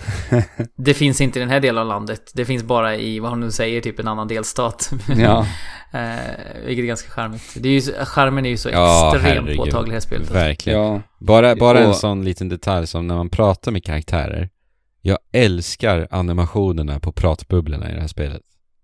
Ja, att de känns- rör sig och pulserar liksom. Ja, bubblas och pulserar, bubblar och pulserar och de ser bara så fina ut och det bidrar så mycket till charmen tycker jag. Mm, det gör det verkligen. Och alla dessa olika... Jag, jag, jag älskade ju verkligen att lära känna de här karaktärerna som man möter längs den här promenaden upp på det här berget. Man får möta alla möjliga karaktärer som har olika problem och behöver hjälp med saker hit och dit. Och jag minns väldigt starkt, det var, det var en som skulle springa ett maraton upp i det här berget. Mm. Som eh, hade tappat bort sitt röda pannband. Just det. Och hon ber mig att springa och, och hitta det här band, pannbandet, för hon fick inte den här äh, styrkan, hon kände sig osäker och otrygg utan det här pannbandet. Att nej, jag, jag klarar inte av det här. Jag var nästan stressad av det. Så jag beger mig ut och hittar det här, sen stöter jag på en liten sköldpadda som tydligen är en supersnabb, märkligt nog. Men bär just ett röd, rött pannband, så jag pratade med honom. Och han var så otroligt vänlig mot mig och bestämde sig för att låna ut det här pannbandet så att hon kunde bära det här under maratonloppet. Och så gick jag tillbaka till henne och så fick hon ju så himla mycket power och energi. Och det roliga där var ju att ehm, jag tänkte så här när man såg att, för hon säger nej men det här är fel pannband, det är inte mitt pannband. Mm. Eh, då var jag så här, "Ugh, ska man behöva jaga efter till pannband nu liksom? Ja, Eh, men då säger hon ju istället det, va? Tillhörde den här sköldpaddan, det är, ju- det är ju en mästare Ja, i, i den här världen. Så då kommer jag bli dubbelt så snabb som jag hade varit annars. Ja. Eller nej, jag kanske blir fyrdubbelt så snabb till och med. ja så hon var ju jätte eh, överlycklig verkligen. Ja, så dialogen är också nästan genomgående, alltså fantastisk, alltså kanonbra verkligen. Ja, Eh, både så här eh, lite naivt eh, enkel, men också på många ställen säger någonting väldigt Precis. mycket om ja, det, ja, det liksom, finns ju eh, mycket allvar att hämta i det här, bland vissa utav de här karaktärerna också tycker jag. Mm, Verkligen. absolut. Och det är det jag tycker är så fint och det, det, det blir så lätt att ta till sig i den här härliga och charmiga inramningen. Jag, det, det här spelet berörde mig otroligt mycket. Alltså så här, i, i det här färggranna med musiken som jag tycker är... Vi, vi har ju ingen kategori i år, men jag tycker att det här är årets soundtrack. Mm. Jag tycker att Ja. den, den dynamiska ljudbilden i det här spelet, att musiken ändras så snyggt i ens progression. Där den bara förändras utan att man ens tänker på det. Det låter som att det spelas en enda lång låt Mm. som bara snyggt vävs in i varandra. Ja, musiken är alltså fullkomligt makalöst bra alltså. Mm. Vi kan trulla igång någonting här i bakgrunden när vi pratar nu tycker jag. Ja, absolut. Eh, Det är typ eh, lite Studio Ghibli-eskt. Jag hör tendenser av Zelda faktiskt. Det är väldigt mycket Animal Crossing-influenser. Animal. Crossing, precis. Jag tänker en blandning mellan allt det och det utförandet är alltså... Det, det låter som att det är hög produktion för att det är så otroligt välskrivet alltså. Jag, jag är verkligen jätte, jätte imponerad av musiken. Det är en person som har skrivit alla låtar också. Så, Mm. Alltså det är två stycken som har gjort spelet. Den precis. här Adam och eh, musikern Mark Sapling. Mm. Och jag- som jag förstått det så är det ett av hans första spel han har gjort, gör för spel också. Jag har Ja, kollat musik, på hans ja. Bandcamp, vilket Ja. är riktigt imponerande. Jag skrev faktiskt en kommentar på, på eh, hans YouTube och han svarade på mig. Han, han har typ så här 6-7 tusen visningar per låt. det är så här, herregud, kan inte folk bara få höra den här mannens musik? För det är så Ja. bra. Mm. Men jag, ty- jag tycker som ni sa, Animal Crossing korsat med Breath of the Wild just i hur man tar sig fram. För man kan ju både flyga genom luften, sväva fritt i princip. eh, Mm. Och man kan klättra eh, och interagera med olika föremål. Och ju fler gy- gyllene fjädrar du samlar på dig, desto fler eh, Stamina. Eller desto mer, ja exakt. Desto mer ork får du Ja, jag vet det. Men Fla- Vad överlag- heter flax? Man fladdrar med vingarna. Flaxa heter det. Ja, Flaxa. precis. Men jag tycker överlag att de hinder som spelet sätter upp eh, och de uppdrag som man ges av de här eh, djuren, de känns bara som så här små lättsamma eh, Alltså roliga små sysslor och Mm. samma sak med klättringen och flygning. Alltså det känns bara som att man är fri att göra det man behagar Ja, ja, hela tiden. Mm. Alltså spelet är så oerhört... Eh, eh, det är ett förtjusande spel och det är ett behagligt spel att spela. Alltså det är ju som en met, eh, metafor för hela Claires eh, liksom, eh, eh, flykt undan det här jobbiga som man får höra om lite senare i Mm. spelet. Eh, jag ska komma från storstadens larm ett tag som du sa där, Mm. Alex. Och det är verkligen så här. Ja, det är så det känns. När man spelar ett spel så får man bara så här bädda in sin hjärna i liksom eh, balsam. Alltså det är så härligt att spela det här spelet. Ja, Alltså, jag sammanfattade när, jag- när jag var klar med spelet, så sa jag till Alex bara så här, om jag ska rekommendera spelet, så säger jag så här. Det här är ett spel där du bara, där du, som du kan spela om du bara vill må gott och lyssna på underbar musik för en stund. Och det jag Jo, tycker men- blir så härligt med progressionen genom de här uh, guldfjädrarna också, det är att det öppnar upp för att man, det, det blir ju mycket lättare att ta sig runt på den här uh, ön. Mm. Då vi kan springa mer, vi kan flyga mera. Och det öppnar också upp för att man, man vågar börja utforska den ännu mer, för man känner sig... Man, man blir ganska snabbt stark, mycket starkare och uthållig. Ja. Och det gjorde ju att jag, jag började känna och kunna orientera mig runt i det här berget ganska bra till slut. Och just att eh, spelet berättar ju inte aldrig vad du ska göra, utan det är helt Nej. fritt. Det är på, på din... Och det tycker jag också gjorde väldigt mycket till det. Att jag så här, jag lärde mig orientera mig runt och jag vågade och utforska mycket och hittade alla dessa gömmor och jag, jag, var otroligt mysig upplevelse. Och det var också som du sa, Andrew, där, det här var ett spel som, det första spelet jag spelade på ledigheten. Vilket Mm. jag verkligen behövde, för jag var så här, jag var vrålstressad innan julledigheten, min hjärna gick på högvarv. Det här fick mig att bli lugn. Mm. Det kanske är det bästa spelet någonsin faktiskt du kunde ha spelat i den situationen. För Ja, jag har nog aldrig spelat ett spel som har gjort mig så avslappnad faktiskt. Nej. Nästan. Nej, ja, det är Eh. nog... Ligger lite i det alltså. Verkligen. För det är liksom... Eh, brisen, det är så här som i Wind Waker, att man ser brisen i form av så här små streck som Ja, just det. flyger Mm. runt. Eh, bara, det känns som att man nästan, alltså som en sån sommardag man har ibland när bara så här livet känns som att Mm. Man behöver inte ta i för någonting, allting bara sker. Man, man liksom, eh, så här, eh, maten löser sig själv, barnen är Mm. superglada, man är med sina bästa vänner. Eh, det är precis lagom varmt i vattnet, alltså det är bara så här, ja, som sagt, en, en breeze att ta sig igenom från första till sista stund. Mm. Fast jag måste säga att jag, jag grät vid, vid toppen. När man kom upp till toppen Ja. av berget så, så fick jag... Ja, det är verkligen... Ja. Jag tyckte det var så fint alltså. Och det är på många sätt. Vi ska inte säga vad det är för att Nej. man ska få uppleva det själv. Men det är liksom både eh, visuellt och eh, storymässigt. Mm. Eh, och det är det som är så genialiskt med det här spelet. Alltså jag förstår inte. Jag har spenderat, jag har spenderat eh, säg en timme och en kvart med spelet, kanske sammanlagt. En timme och 20 minuter. Och ändå har jag fått en upplevelse som liksom har gett mig mer än så många andra spel har gjort i år. Ja, precis. Eh, Det är, det är det som är så otroligt imponerande med det här spelet. Ja, jag tänkte, precis, på, precis på samma sätt som så här, Outer Wilds hänger kvar med mig idag så är det A Short Hike som jag tänker på dagligen. jag lyssnar på det. Alltså musiken är så bra för mig. Jag lyssnar på musiken. Nästan dagligen. Men, och det tog mig liksom en timme att få 12 fjädrar, vilket gjorde att jag kunde göra nästan exakt vad jag ville i Ja. spelet. Men det kändes inte heller som att det var så här, oj jag blev OP på en gång, jag fick inte kämpa för utan det var så här perfekt avvägt att så här, jag fick mina belöningar precis när jag skulle ha dem, eh, vilket lät mig utforska mer och mer och utmaningen fanns hela tiden där i, i en liten, liten grad för att få mig ändå ha ett visst tuggmotstånd så att det inte blev liksom bara, eh, vad ska man säga? Eh, ja men just att det inte blev det här riktningslösa utan det fanns, faktiskt fanns någonting att kämpa mot. Jag, jag tycker det här är helt suveränt. Alltså nu, vi, nu har jag spelat idag så att det finns ju en väldigt stor recency bias eh, som det kallas, att man kommer ihåg det som man spelar senast bäst. Men hade jag satt en etta på min lista så, så hade det här spelet varit Vad eh, roligt. en stark, stark kandidat. Så jag älskar verkligen det här spelet. Men då, har du det här på din lista också Jesper? Ja, Du har det alltså? Det har jag. Mm. Jag har det inte faktiskt. Men alltså, med det sagt, herregud. Vad säger det egentligen? Jag tyckte det var fantastiskt. Jag, jag förstod verkligen att det här skulle vara ett Jesper-spel efter att jag tog med igenom det här. Ja, du sa ju det också då. Mm. Eh, Så jag köpte ju det samtidigt som jag köpte ett annat spel som jag kommer att prata om senare också. Samma dag. Mm. Ja. Ja. Short hike. Ja, och då är det ju faktiskt din tur då Jesper. Mm. Då kan jag bränna av eh, spelet jag själv spelar huvudrollen i då. Okej. Eh, det vill säga Jedi ja, just Fallen. Fallen Order.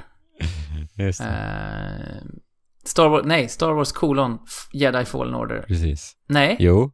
jag försöker, nej. Nej, Star Wars Jedi kolon. Ja, just det. Ja, precis. Det är en annan på svensk podcast ni kan lyssna på som är väldigt mysig. Tredje gången gilt. Men Star Wars, som du säger, Star Wars Jedi kolon Fallen Order. Mm. Ehm, och ehm, det här spelet är väl egentligen eh, inte fantastiskt på så många sätt förutom just karaktärsdesign och ehm, eh, ja, interaktion mellan karaktärerna. Eh, hade resten av spelet varit lika bra som det så hade det varit på Mass Effect 2-nivå, för det påminner om det spelet en del. Eh, men där gameplay och, vad ska vi säga, eh, design på, på banor och så eh, inte var 100%. Men däremot så var eh, Star Wars-känsla och karaktärsbeskrivningar, eh, vad ska jag säga, karaktärsporträtten extremt härliga. Eh, och jag fick Alltså den stora anledningen till varför det här är med på mitt årets spel är ju för att de lyckades fånga Star Wars-känslan och det visuella i Star Wars-världen på liksom till 100% och i, i, i vissa fall till och med överträffa eh, grundmaterialet med BD-1 till exempel som är en fantastisk eh, medhjälpare. Um, Mm. och jag såg ju, jag såg ju, jag spelade spelet i, i samband med att jag såg filmen, den nya Star Wars-filmen också. Um, så jag var ju i en Star Wars-hype den perioden. Mm. Eh, men lite, som sagt, återigen lite så här eh, en tendens av att jag inte hittade så många spel som kunde eh, fästa sig i mitt hjärta i år. Så är det här liksom lite på samma sätt som eh, Lonely Mountains. Ett spel jag har njutit av och, det, och mycket liksom. Och det har räckt eh, ganska långt för mig. Mm. Eh, och sen som sagt, Cal Kestis, en oväntat rolig vit snubbe att spela med. Eh, just för att han var så pass eh, mjuk i, i framtoningen. Det tyckte jag mycket om. Cal Jespis. Cal Jespis, som han kallas. Mm. I T-kraften folkmun. Mm. Men jag behöver inte säga så mycket mer om det spelet för att, eh, ja. Eh, det, det var ett härligt spel att spela och jag kommer kanske inte minnas det jättemycket när nästa år tar vid. Mm. Nej. Vem har vi härnäst då? Ja, det är ju du. Ja, men då kan vi slänga på med eh, Sekiro Shadows Die Twice. Är ni förvånade? Nej. Nej. Nej. Ja, alltså det här är ju verkligen ett spel som typ är som gjort för mig. jag, älskar den här typen av spel, alltså actionspel. Och jag älskar... Och du gillar svärd. Svärd också gillar du. Eh, gör jag I det? spel. Ja, men jag tänker i de här spelen. Ehm, ja, men det gör jag väl. men jag gillar att slåss. om det är svärd eller Ja. om det är en yxa eller om det är en robotsvärd. Just det. Det kanske är ännu coolare, jag vet inte. Eh, nej, men... Eh, och eh, jag, jag gillar musik. Jag är liksom musiker, jag är gitarrist. och eh, det häftiga i, i, Sekiro är ju att i och med det här nya posture-systemet som kom då med eh, Sekiro, där vi helt enkelt använder oss utav eh, defensiven offensivt skulle man väl kunna säga. Alltså offensiven är liksom lika viktig som defensiven i det här spelet för att eh, väldigt rytmiskt i spelet så helt enkelt slår du bort motståndarens svärd i, ta- i takt till motståndarens svärdsving. Och det är liksom så man får ner eh, motståndarens liksom ställning för att sen gå in med en liksom förödande attack för att döda eh, motståndaren. Så att det är liksom, det är ett spel som handlar om att få ner motståndarens defensiv för att till slut liksom komma åt dem så att säga. Och det gör det liksom ständigt väldigt rytmiskt. Alltså det är som att spela ett rytmspel, det här spelet. Men i en liksom actionspelskontext. Och det är ju, alltså det var eh, som gjort för mig som sagt. Men blir det lite fighting-spelskänslan då, tänker jag. Som också är väldigt rytmiskt. Ja men exakt, men det är, det är ju- Fightingspel älskar jag av samma anledningar som jag älskar den här typen av spel. Alltså Mm. va, varje sekund besitter så många beslut för dig att ta. Fokuset som krävs, improvisationerna som det kommer med och det kreativa, det är det jag alltså totalt älskar med de här spelen. Eh, Mm. och just så här kontexten eller inramningen, liksom, iscensättningen i Sekiro, man är ju liksom en, en shinobi, samuraj. Och jag tycker de säljer den fantasin så sjukt bra i och med det här systemet också. Eh, så jag, jag känner ju mig verkligen som en som en jädra shinobi eh, i det här spelet så, så, så mycket verkligen. Eh, och sen är det så här, från Software, de har ju blivit sådana otroligt kompetenta spelutvecklare för poleringsnivån är också så här, blir alldeles golvad verkligen. Animationsarbete, partikel, alltså allting känns bara liksom så bra det kan vara för den fantasin de bygger upp. Eh, så det är så här löjligt välsvarvat liksom. Ständigt Ja. tillfredsställande att spela. Eh, jag tyckte också om eh, eh, lite mer fokus på stealth i spelet och det kändes också så här som en väldigt naturlig utveckling utav From Softwares spel. För att vi, vi har ju ständigt liksom så här metodiskt trippat oss fram i, i, i From Softwares spel. Och att ta det hela nivån till stealth tyckte jag kändes som en väldigt naturligt, naturlig och liksom spännande övergång. Eh, och stealth är ju någonting jag själv tycker om också. Så bara där, återigen, det är ett spel som nästan kändes som gjort för mig. Eh, och med eh, enterhaken med protesarmen så öppnades banorna upp mer, det blev liksom mer vertikalitet och det med, i kombination med stealth gjorde att det blev väldigt häftigt att göra de här liksom death blows från ovan och det var ju alltid lika tillfredsställande som en ingångspunkt liksom till striderna och sådär. Men Sekiro är ju på, på samma sätt som Outer Wilds till stor del är ju valutan kunskap. Alltså det, visst, Ja, du har ett, du har ett tech tree, men det är inte så himla eh, avgörande egentligen. Nej. Utan det viktigaste är ju hur du lär dig, hur, hur du ska kontra vissa fiender och hur du ska närma dig världen. Eh, jag har ju spelat det här spelet fram till Lady, Bu- eh, vad heter Madame Butterfly, Lady Butterfly, vad heter hon? Mm, ja, precis. Lady Butterfly. Eh, och där tog det stopp och jag hade liksom inte motivationen att pusha igenom det eh, och vidare in i spelet. Eh, mycket på grund av det här som jag berättat om förut med min eh, med min eh, From Software. rädsla. Eh, Ja, det här trycket som blir i spelet. Det är så oerhört tryckande spel och det här spelet blir ännu mer så just på grund av stealthen som du säger. Mm. Eh, och jag är ju så här, jag vill ju hemskt, hemskt gärna eh, spela ett From Software-spel från början till slut. Mm. Och jag tror det kommer bli typ remaster-versionen till, eh, av, eh, av Dark Souls till, till Switch till slut. Ja. Eh, för fantasy-settingen passar mig bättre än, än lite mer nästan skräckbetonad setting Ja, som det är här i... eh, Men fortfarande, Men ja. eh, jag ser ju, det är på samma sätt som Wilds, jag ser liksom, jag, jag förstår eh, vad, vad det är som gör att du Mm. tycker att det här spelet är så fantastiskt. Och många andra, jag menar det blev ju årets spel på Game Awards till exempel. Ja, alltså jag, tycker att striderna i Sekiro är de bästa från Software har gjort. Jag tycker att utforskandet och upptäcka glädjen finns ju fortfarande kvar också, om än inte lika bra som kanske i till exempel Dark Souls. Där den är som allra bäst tycker jag. Men det är ändå så här på en nivå, eh, de är fortfarande så högt över så många andra utvecklare, för mig personligen så här.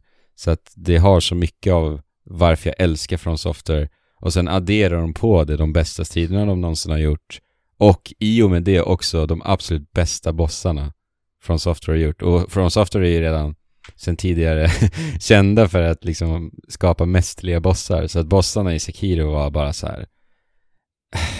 Jag hittar inga ord för hur bra de var. Det är liksom bara hakan i golvet på så många utav dem alltså.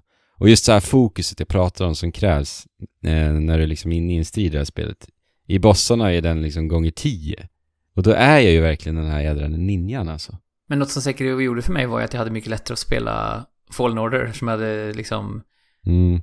tvingat mig ta mig an det här läskiga i, i Sek- Sekiro som du också sa, plantera fötterna liksom. Du ska inte hålla på och rulla omkring utan du ska plantera fötterna. Mm. Och när du då måste flytta dig, det är när de blir de här röda eh, attackerna från bossarna och, Mm. och fienderna. Eh, och det hade jag lärt mig då, så Fallen Order strider är som en light-variant av Sekiro. Ja, blev ju faktiskt mycket lättare när jag lärde mig att jag ska stå still och blocka. Jag måste Mm. våga liksom eh, stå här när det kommer ett stort sving. Mm. Ja, det har ett härligt fokus spelet. Det är liksom så skräddarsytt designat, som man säger så. Mm. Sekiro Shadows Die Twice. Då slumpar jag här igen då och ser vem som kör nästa vända. Ja men det är ju, det är ju du igen Andrew. Mm. Det har blivit så här flera gånger nu. Bara, Ja men då fortsätter vi med ett annat spel i eh, den här typen av spel som tilltalar mig så mycket. Ä- Det är ditt sista spel va? Ja, det är mitt sista där. Eh, Astral Chain. är Ja, mitt sista det. spel. Eh, Platinum Games överraskning får alltså det var ju verkligen ett Andrew-år alltså, om man tänker på det så här. Astral Chain, Sekiro och uh, Devil May Cry. Ja, ska jag inte. Devil May Cry 5 ligger ju så här precis utanför min liksom topp 5 om man säger. Ja. Eh, och det är faktiskt ut, lite utav anledningen Astral Chain. För anledningen till att jag eh, gillar Astral Chain något mer är för att det här är Platinum Games nya spel då. Eh, kom ju väldigt överraskande. Utannonserades 2019 och släpptes 2019. Vilket var väldigt överraskande. Ja men det är just hur innovativt i genren Astral Chain känns. Eh, för att det är ju alltså ett eh, hack and slash traditionellt actionspel men eh, eh det unika med spelet är ju att vi då är fastkedjade med den här eh, rymdvarelserna som kallas Legions. Och då helt enkelt i spelet så kontrollerar du på sätt och vis två karaktärer samtidigt i, Tänk er då, hektiska Platinum Games eh, actionstrider. Eh, men hur, hur de liksom leker med att du är kopplad med en kedja tyckte jag var så sjukt roligt verkligen. Eh, och du kan, du kan alltså med den högra spaken så kan du så här cirkulera eh, fiender och sen korsa kedjan på vägen tillbaka för att så binda fast dem på plats. Du kan använda det som en snubbeltråd för att få fiender att snubbla på, på kedjan. Och sen så gör ni så här timingbaserade synkroniseringsattacker med varandra som bara känns i hela jädra kroppen när du utför dem för att alltså Platinum Games som jag sa med, med From Software, det blir så mycket så här hyllningar här nu, men båda de två är ju världsledande, helt klart alltså, när det kommer till den här typen av spel. Alltså allting känns så himla bra. det, och det, hela eh, estetiken i, i Astral Chain är ju lite så här cyberpunk, eh, neon-esk, eh, eh, anime eh, inblandat där också. Och det öppnar ju upp för så här såklart spektakulära galenskaper rent visuellt. Så det är typ partikeleffekterna i Astral Chain är ju bland det mest spektakulära och så här eh, liksom i ögonfallande jag har sett alltså. Och, och det i kombination med att det är ett hack and slash-spel. Alltså ni kan ju tänka er hur, hur salig jag är över när jag spelar Astral Chain. Så att just att Legions också, det är fem stycken olika, så att spelet har ett så sjukt fritt stridssystem. Det finns så mycket valmöjligheter. Och då återgår vi till det jag sa till varför jag tycker om de här spelen. Det är för att det finns så mycket jag älskar i att du alltid improviserar, du har alltid ett val att ta i nästan varenda millisekund så finns det någonting i, runt dig i periferin som du kan liksom ta ett beslut och utföra genom så. Eh, och jag älskar det så mycket. Och just med Legions så öppnar det upp liksom valmöjligheter som liksom sträcker sig mils långa för att det är så mycket du kan göra i det här spelet. Och där grottar jag ju ner mig rejält alltså och fann så mycket njutbart. För det är ju verkligen ett spel så här, du kan spela det, eh, sp- liksom springa igenom det på, på en 20 timmar, 15 timmar, vara nöjd. Sen aldrig mer röras vid det. Och det är ju den typen av spel att när man liksom dyker ner i alla system och mekaniker då hittar man så mycket gott. Och det är ofta, tror, jag tror det ligger lite i det. Eh, jag vet inte om ni håller med, varför man inte ser typ den här typen av spel på många så här, årets spellistor. För att man tar sig inte den tiden att faktiskt liksom gräva ner till vad som finns där under ytan. Eh, men jag lovar er alltså, om ni gör det. det finns mycket där.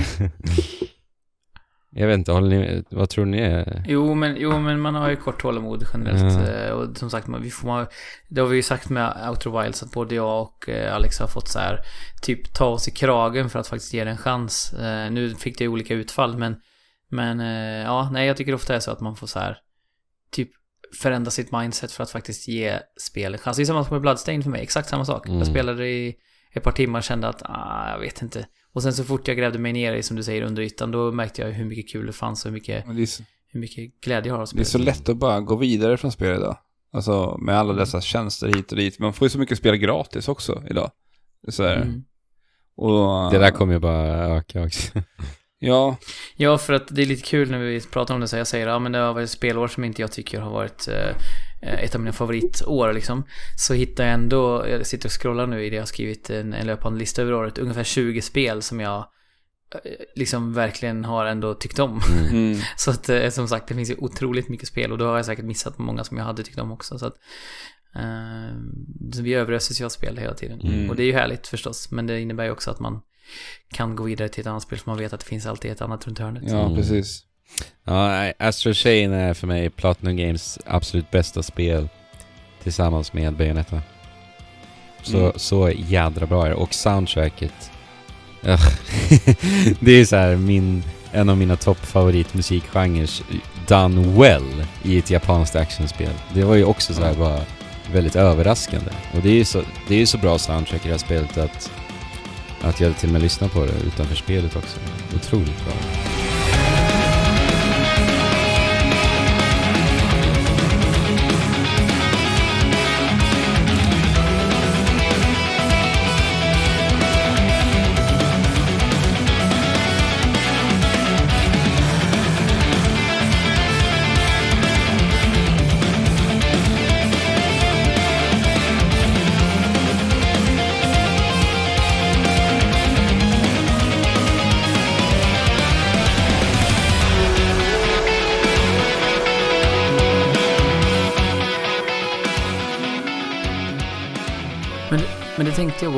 När du sa det, Alex, med eh, A Short Hike, att det var årets soundtrack för dig om vi hade haft en sån kategori. Mm.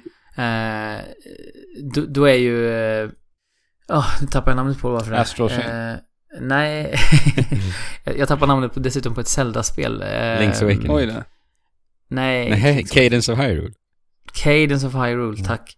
Eh, Cadence of Hyrule eh, är ju för mig årets soundtrack om vi hade haft en sån kategori. Um, jag tycker just eh, remixen på Zelda-låtar är eh, det spelets absolut största eh, behållning.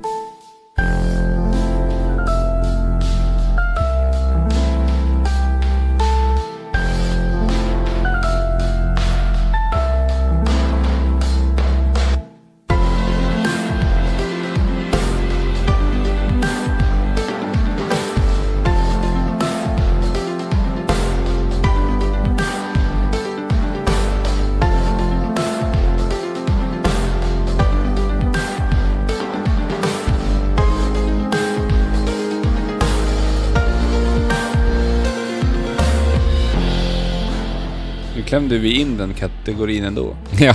Ja. För nu fick ju alla veta. Men- Ja, Vi släpptes Cadence of Hyrule i år. ja. ja. Ja, det gjorde det. Eller för, ja, förra året. Somras. säga. Ja, ja, precis. Mm. Ja.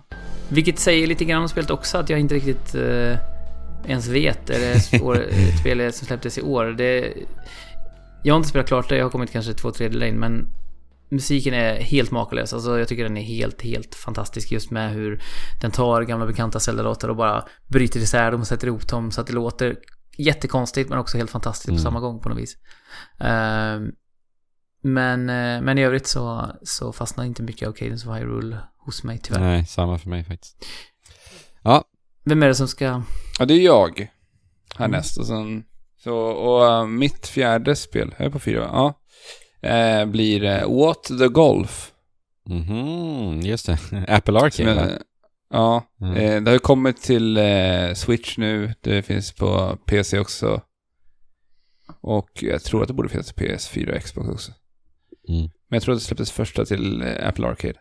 Men nu finns det lite överallt i alla fall. Eh, till en början kan man ju tro att det här handlar om ett, bara ett, ett enkelt golfspel, men det är det ju inte. Det är ju ett golfspel som, som går helt bananas. Där vi golfar med precis allt. Och jag tycker att de, designen i det här spelet är så otroligt kreativ och de gör så mycket med så lite som ändå golf är. Mm. Och jag minns när jag pratade senast om det, hur de... Så här, jag spelade ju här på mobiltelefonen. Och det märktes så tydligt hur de hade designat... För man tar sig runt i en, i en overworld. Där du golfar dig runt mellan olika levels. Och sen golfar du in dig i, en, eh, i ett golfhål där du får tre stycken utmaningar. Sen kan du gå vidare. Och hur de har designat världen utefter de här olika eh, mekanikerna som man kommer ställas inför. tycker jag de har löst på ett så otroligt snyggt sätt. De presenterar dem liksom i, det som kommer att hända presenterar dem i den här overworlden. Och sen går man in i den här banan och sen så får man så här, okej, vad är det för nytt jag ska lära här nu? Bara den grejen när man får spela spelet i 2D första gången. För det var också så här, innan har jag spelat spelet golfat i 3D. Men när jag kommer till just 2D-delen och hur jag så här automatiskt vrider telefonen ner i landscape-läget. Och sen var okej, nu kommer jag spela 2D här. Det tyckte jag var otroligt häftigt. Och hur de bara överraskar mig hela tiden, för jag satt ju och liksom nötte det här på två dagar. För Mm. den, jag, jag hade hela tiden den här känslan att vad, vad tusan ska jag golfa med härnäst? jag ville bara progressera vidare för att se vad det är som händer. Mm. Ett helt eh, fantastiskt litet knasigt spel. Koppla lite tillbaka till det här vi pratade om, de här konstiga, knasiga game jam-idéerna. För det här känns ju också som ett sånt här spel som Ja, verkligen. Alltså. bara gör, skulle kunna göras av en mindre studio. För att det är så dumt. Det är ingen annan som skulle vilja ta ett sånt här spel och faktiskt släppa det. Om det inte vore för de här små studiosarna. Liksom. Det är ju så fantastiskt. Alltså.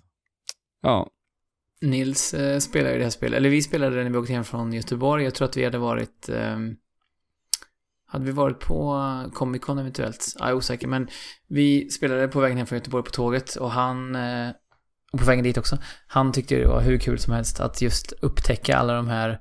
Vad, vad händer för knäppt härnäst liksom? mm. Eh, den upptäckarglädjen eh, var ju någonting som jag tyckte drev det spelet hela tiden. Mm. Och de hade ju också mycket så här roliga blinkningar till, eh, Till klassiska spel. ja. Det var ju lite som jag Ja. pratade om med Baba Is You också.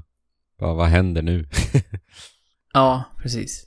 Så eh, ett eh, sprudlande eh, spel får man säga som hela tiden eh, överraskade en som du sa. Och det får ju den också, det är också ett spel som får den att le väldigt mycket. Mm. Ja. Går ihop lite där med short hike. Det får mig bli glad av att spela det här spelet. Det är så färggrant och det är så knasigt. ja. Mm. Ja, trevligt. Precis, precis som uh, Wattam som jag inte tänker prata om så mycket i den här listan tyvärr. Jag hade hoppats jag skulle få göra det. Men, men Wattam är också på det sättet att eh, ett feel spel Och det, det kommer också, jag får kasta in det också som ett av årets inofficiella eh, soundtrack då. Men jag vill, Jesper, jag vill faktiskt att du pratar lite om Wattam i nästa avsnitt, för jag är lite nyfiken på att höra Ja. om det. Jag får göra det. Men både Wattam och Sayonara Wild Hearts vill jag kasta in i vår icke-kategori, årets soundtrack. då. Ja, Ja. ja men eh, då kan du, du ta ditt... Eh, ja, du har bara ett spel kvar Jesper. Ja, jag vet inte vad vi har gjort här Alex, för du har, du har blivit överhoppad tror jag. För du har ett kvar, eller hur? Jag tror att det var för att vi hade ju short hike där... Ja, jag tror det också. Och Outer Wilds delade vi också och sådär. Mm. Ja. Men du har ett spel kvar och det här är mitt sista Alex, visst är det så? ja. För då eh, tänker jag fortsätta på musiktemat Mm. lite grann. Eh, jag köpte ju A Short Hike på Steam-rean som var här i jul eh, och nyår. Och jag köpte även Disco Elysium eh, samtidigt. Och det har ju egentligen inte så jättemycket med, med musik att göra, men det har ju disco i namnet. Mm. Just det. Ehm, och eh, det här är ju ett ganska mörkt spel också, måste man ju säga. Ehm, det är ju någon hy- hybrid mellan peka och klicka och äventyrsspel. Där man vaknar upp eh, fullständigt eh, utslagen av fylla. Ehm, Mhm. med flaskan i hand eh, och bara kalsongerna på sig. Eh, på sin lägsta punkt liksom. Eh, och sen vaknar man upp och visar sig vara eh, polis. All right. Och ska sen då lösa egentligen ett fall med eh, en person som har blivit hängd eh, genom en eh, eh, konflikt som uppstått genom en strejk i hamnen. Eh, spelet utspelar sig i en fiktiv värld men det är ju väldigt mycket eh, öststats-touch över hela. Eh, och det är ju också, eh, ba- eh, inte Balkan utan det är eh, eh, vad heter det? personer från eh, baltstaterna Mm. bland annat som har utvecklat spelet. Så det känns ju verkligen eh, i, i touchen. Men det som är så unikt med det här spelet, det är ju att eh, det är helt och hållet dialogdrivet. Det finns väldigt lite, precis som vi pratade om i det andra spelet, väldigt lite liksom strider, utan det är i princip bara dialog. Mm. Ehm, och det är även så att eh, man kan lösa dialogträden på så oerhört många olika sätt. Beroende på vad du har späckat din karaktär som. För du får börja med att eh, skapa din karaktär från fyra kategorier. Eh, och de kategorierna är motorik, eh, styrka, eh, psyke och eh, vad är det sista? Det har eh, någonting med psyke att göra också. Ehm, intelligens. Mm. Och under alla de här fyra kategorierna så finns det en massa, massa underkategorier. Så det kan vara till exempel, jag valde att man får sätta en enda underkategori som huvud, huvudattribut. Eh, eh, och då valde jag empati som huvudattribut. Eh, och sen så satte jag jättelågt på eh, fysik och eh, motorik. Och det får sådana häftiga effekter i spelet för första, jag dog på de första tre minuterna i spelet. Eh, och det berodde på att jag hade ett liv, för att jag hade satt eh, så pass dåligt i fysik då, så jag hade ett enda liv, en liksom plupp på min hälsomätare. Och när jag då tände en lampa, jag hade inte behövt göra det, jag, det finns en sån här fläkt i rummet, ni vet, som takfläkt. Mm. Eh, och jag stannade takfläkten, tog ner min slips som hängde i takfläkten. Den talande slips för övrigt, som bara talar i mitt huvud men... ehm, eh, och när jag skulle sen tända lampan bara för skojs skull, så var den för stark, jag var så bakfull, så att det starka ljuset gjorde att jag fick en chock och mitt, hjärt, mitt, mitt, mitt hjärta, eh, jag fick hjärtattack och dog. Nej, är det sant? Ja, det var ju väldigt kul faktiskt. Ja, det är liksom så, alltså det är på en gång, Dumt på så en och samma gång. Ja, på en och samma gång är det precis som du säger, jättedumt. Men temat i spelet, teman i spelet är ju så här, eh, ja men alkoholism, det är Mm. eh, rasism, jätteprominent. Eh, prominent. eh, man får hålla sig till, man kan, du kan ju vara fascist om du vill i spelet. Eller, eller raka motsatsen. Jag låste upp en, det är så intressant det systemet, jag låste upp en, en, eh, en tankeidé man kan få så här utöver sina stats eh, som man, eh, som man levlar titt som tätt så kan man också dy- dyka upp så här större tankeidéer och då fick jag en som heter eh, eh, in, Inexplicable Feminist Agenda vilket innebär att jag, ja, jag är feminist, eh, hardcore feminist i spelet Mm. och eh, ser världen genom de ögonen vilket gör att jag får plus två i alla tärningsslag som involverar eh, att övertyga en manlig person om någonting i dialogerna. Eh, och de här finns det precis hur många som helst av. Beroende på hur du spelar så kan du låsa upp vissa av dem eller vissa är helt eh, liksom, utgråade. Du kan också helt och hållet gå in på att bara ta elektro, vad heter den genren då? Där du bara vill ta knark i princip. Du vill bara knarka hela spelet. Eh, och då låser du upp helt andra färdigheter liksom. Eh, där du kan tänka utanför boxen på ett annat sätt. Men det skadar din hälsa. Alltså det är så otroligt mångfacetterat det här spelet. Ehm, Men hur, hur långt är det här spelet? För det, det låter ju som när du berättar om det att det här är ett spel som kan vara värt att liksom spela om flera gånger för att det blir väldigt Ja, olika utgångar verkligen. på varje spelomgång. Jag har bara kommit fem timmar in i spelet faktiskt. Mm. Eh, Men redan har det satt så starkt avtryck att jag väljer att ta med det här. Men, men det är eh, ungefär 15-20 timmar långt, har jag läst. Men det är ett renodlat Eh. RPG-spel, visst är det så? Ja, du ser det isometrisk vy, du går runt i ett, eh, egentligen en, ett kvarter eller så i den här Mm. världen. Så det är väldigt så avgränsat. Men jag menar, vissa dialoger som man kan ha med karaktärer, de, kan pågå. Alltså jag har säkert pratat med vissa karaktärer i typ 20 minuter. Mm. Eh, och, och det känns liksom inte långrandigt utan det är oerhört spännande hela tiden vad man ska välja för, för val. Och du kan också säga de mest sjuka grejer för han är ju alkoholist och har Ja. vaknat upp efter världens eh, världens fylla så han, han har liksom inga basic eh, han har glömt bort vad han heter till exempel för det första så du kan ju hitta på att du heter vad du vill i princip eh, i dialogerna. Eh, du kan också välja att säga att nej jag tänker inte berätta den för att jag har inte kommit på något tillräckligt bra än Mm. eh, vad jag ska säga liksom. Och ha- han har liksom helt tappat koncepten kring eh, vad, vad är pengar liksom till exempel. Alltså han, man själv vet ju det, men, han, men karaktären kan man spela som att han inte vet någonting i princip. Mm. Eh, och han kan också säga så här helt sjuka grejer som så här, men Eh, det finns containrar i spelet på olika ställen och det finns en genomgående röd tråd att man kan fullständigt haka fast sig vid. Det finns någonting viktigt i den här containern. Och allting i spelet säger åt dig att nej, du har bara fått en jättekonstig hänga på den här containern, släpp den liksom. Men man kan pusha den här grejen så, alltså hur långt som helst med sin, man har ju en partner då, en polispartner. Med honom kan man pusha, men vi måste hitta ett sätt att ta oss in i den här containern för det är oerhört viktigt. Och han är så här, alltså är du sjuk i huvudet, lägg ner den här containern nu liksom. Eh, så man kan liksom spela karaktären på så, så mycket bizarra vis. Mm. Eh, Och det, det blir ju verkligen ett RPG-spel. Alltså jag blir ju så fascinerad när folk pratar om den här typen av RPG-spel. För jag har alltid varit sugen på att kasta mig in i ett sånt västerländskt RPG och prova på det. Ja. Men jag kommer alltid, jag, jag tror att det är samma problem som jag pratade om där med Outer Wilds. Alltså att jag, jag kastar mig in i dem. Jag testat att spela Pillars of Eternity. Och sen Mm. är det någonting till. Eh, Tides of Numenara heter det, jag försökte ge mig in i också. Ja. Eh, men jag tror att det var det här att jag, jag sätter mig ner med när jag inte har tillräckligt tid och liksom dedikerar mig och går in och verkligen rollspelar det.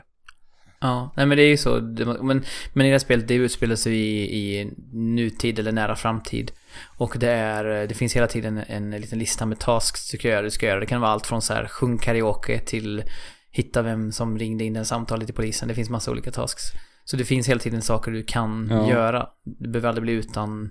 Men samtidigt finns det ingenting du måste göra. Nej. Utan du kan välja själv. Men jag, jag vet Jesper att du nämnde att det inte är några strider i det här spelet. Det finns ju vissa element av, du kan ju så här slå ner personen kan du välja i, i det, ditt dialogträd om du har tillräckligt hög liksom, fysik för det till exempel. Du kan prova även annars men då kommer du förmodligen faila. Mm. Eh, och då anpassar sig spelet efter det också. Så det blir ju inte fail state utan du så här, jaha, då blir den delen, eh, det försöket eh, misslyckat och du får förhålla dig till konsekvenserna kring det. Okej.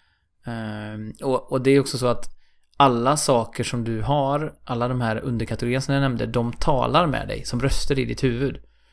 Uh, så om du har hög intuition, då säger intuitionen så här, den där knappen ska du inte trycka på, för det kan vara farligt för dig. Och då kan du välja så här, eh, det skiter jag väl i, jag testar. Mm. Eller så kan du gå på intuitionen och säga, okej, jag låter den vara. Och så vet du inte vad som händer. Eh, och det blir ju faktiska tärningslag hela tiden. Så att om du till exempel vill övertyga någon, då slår du mot din förmåga att övertyga. Mm. Precis som i liksom papper och pennor-spel. Och du ser liksom dina tärningsslag, vad du får.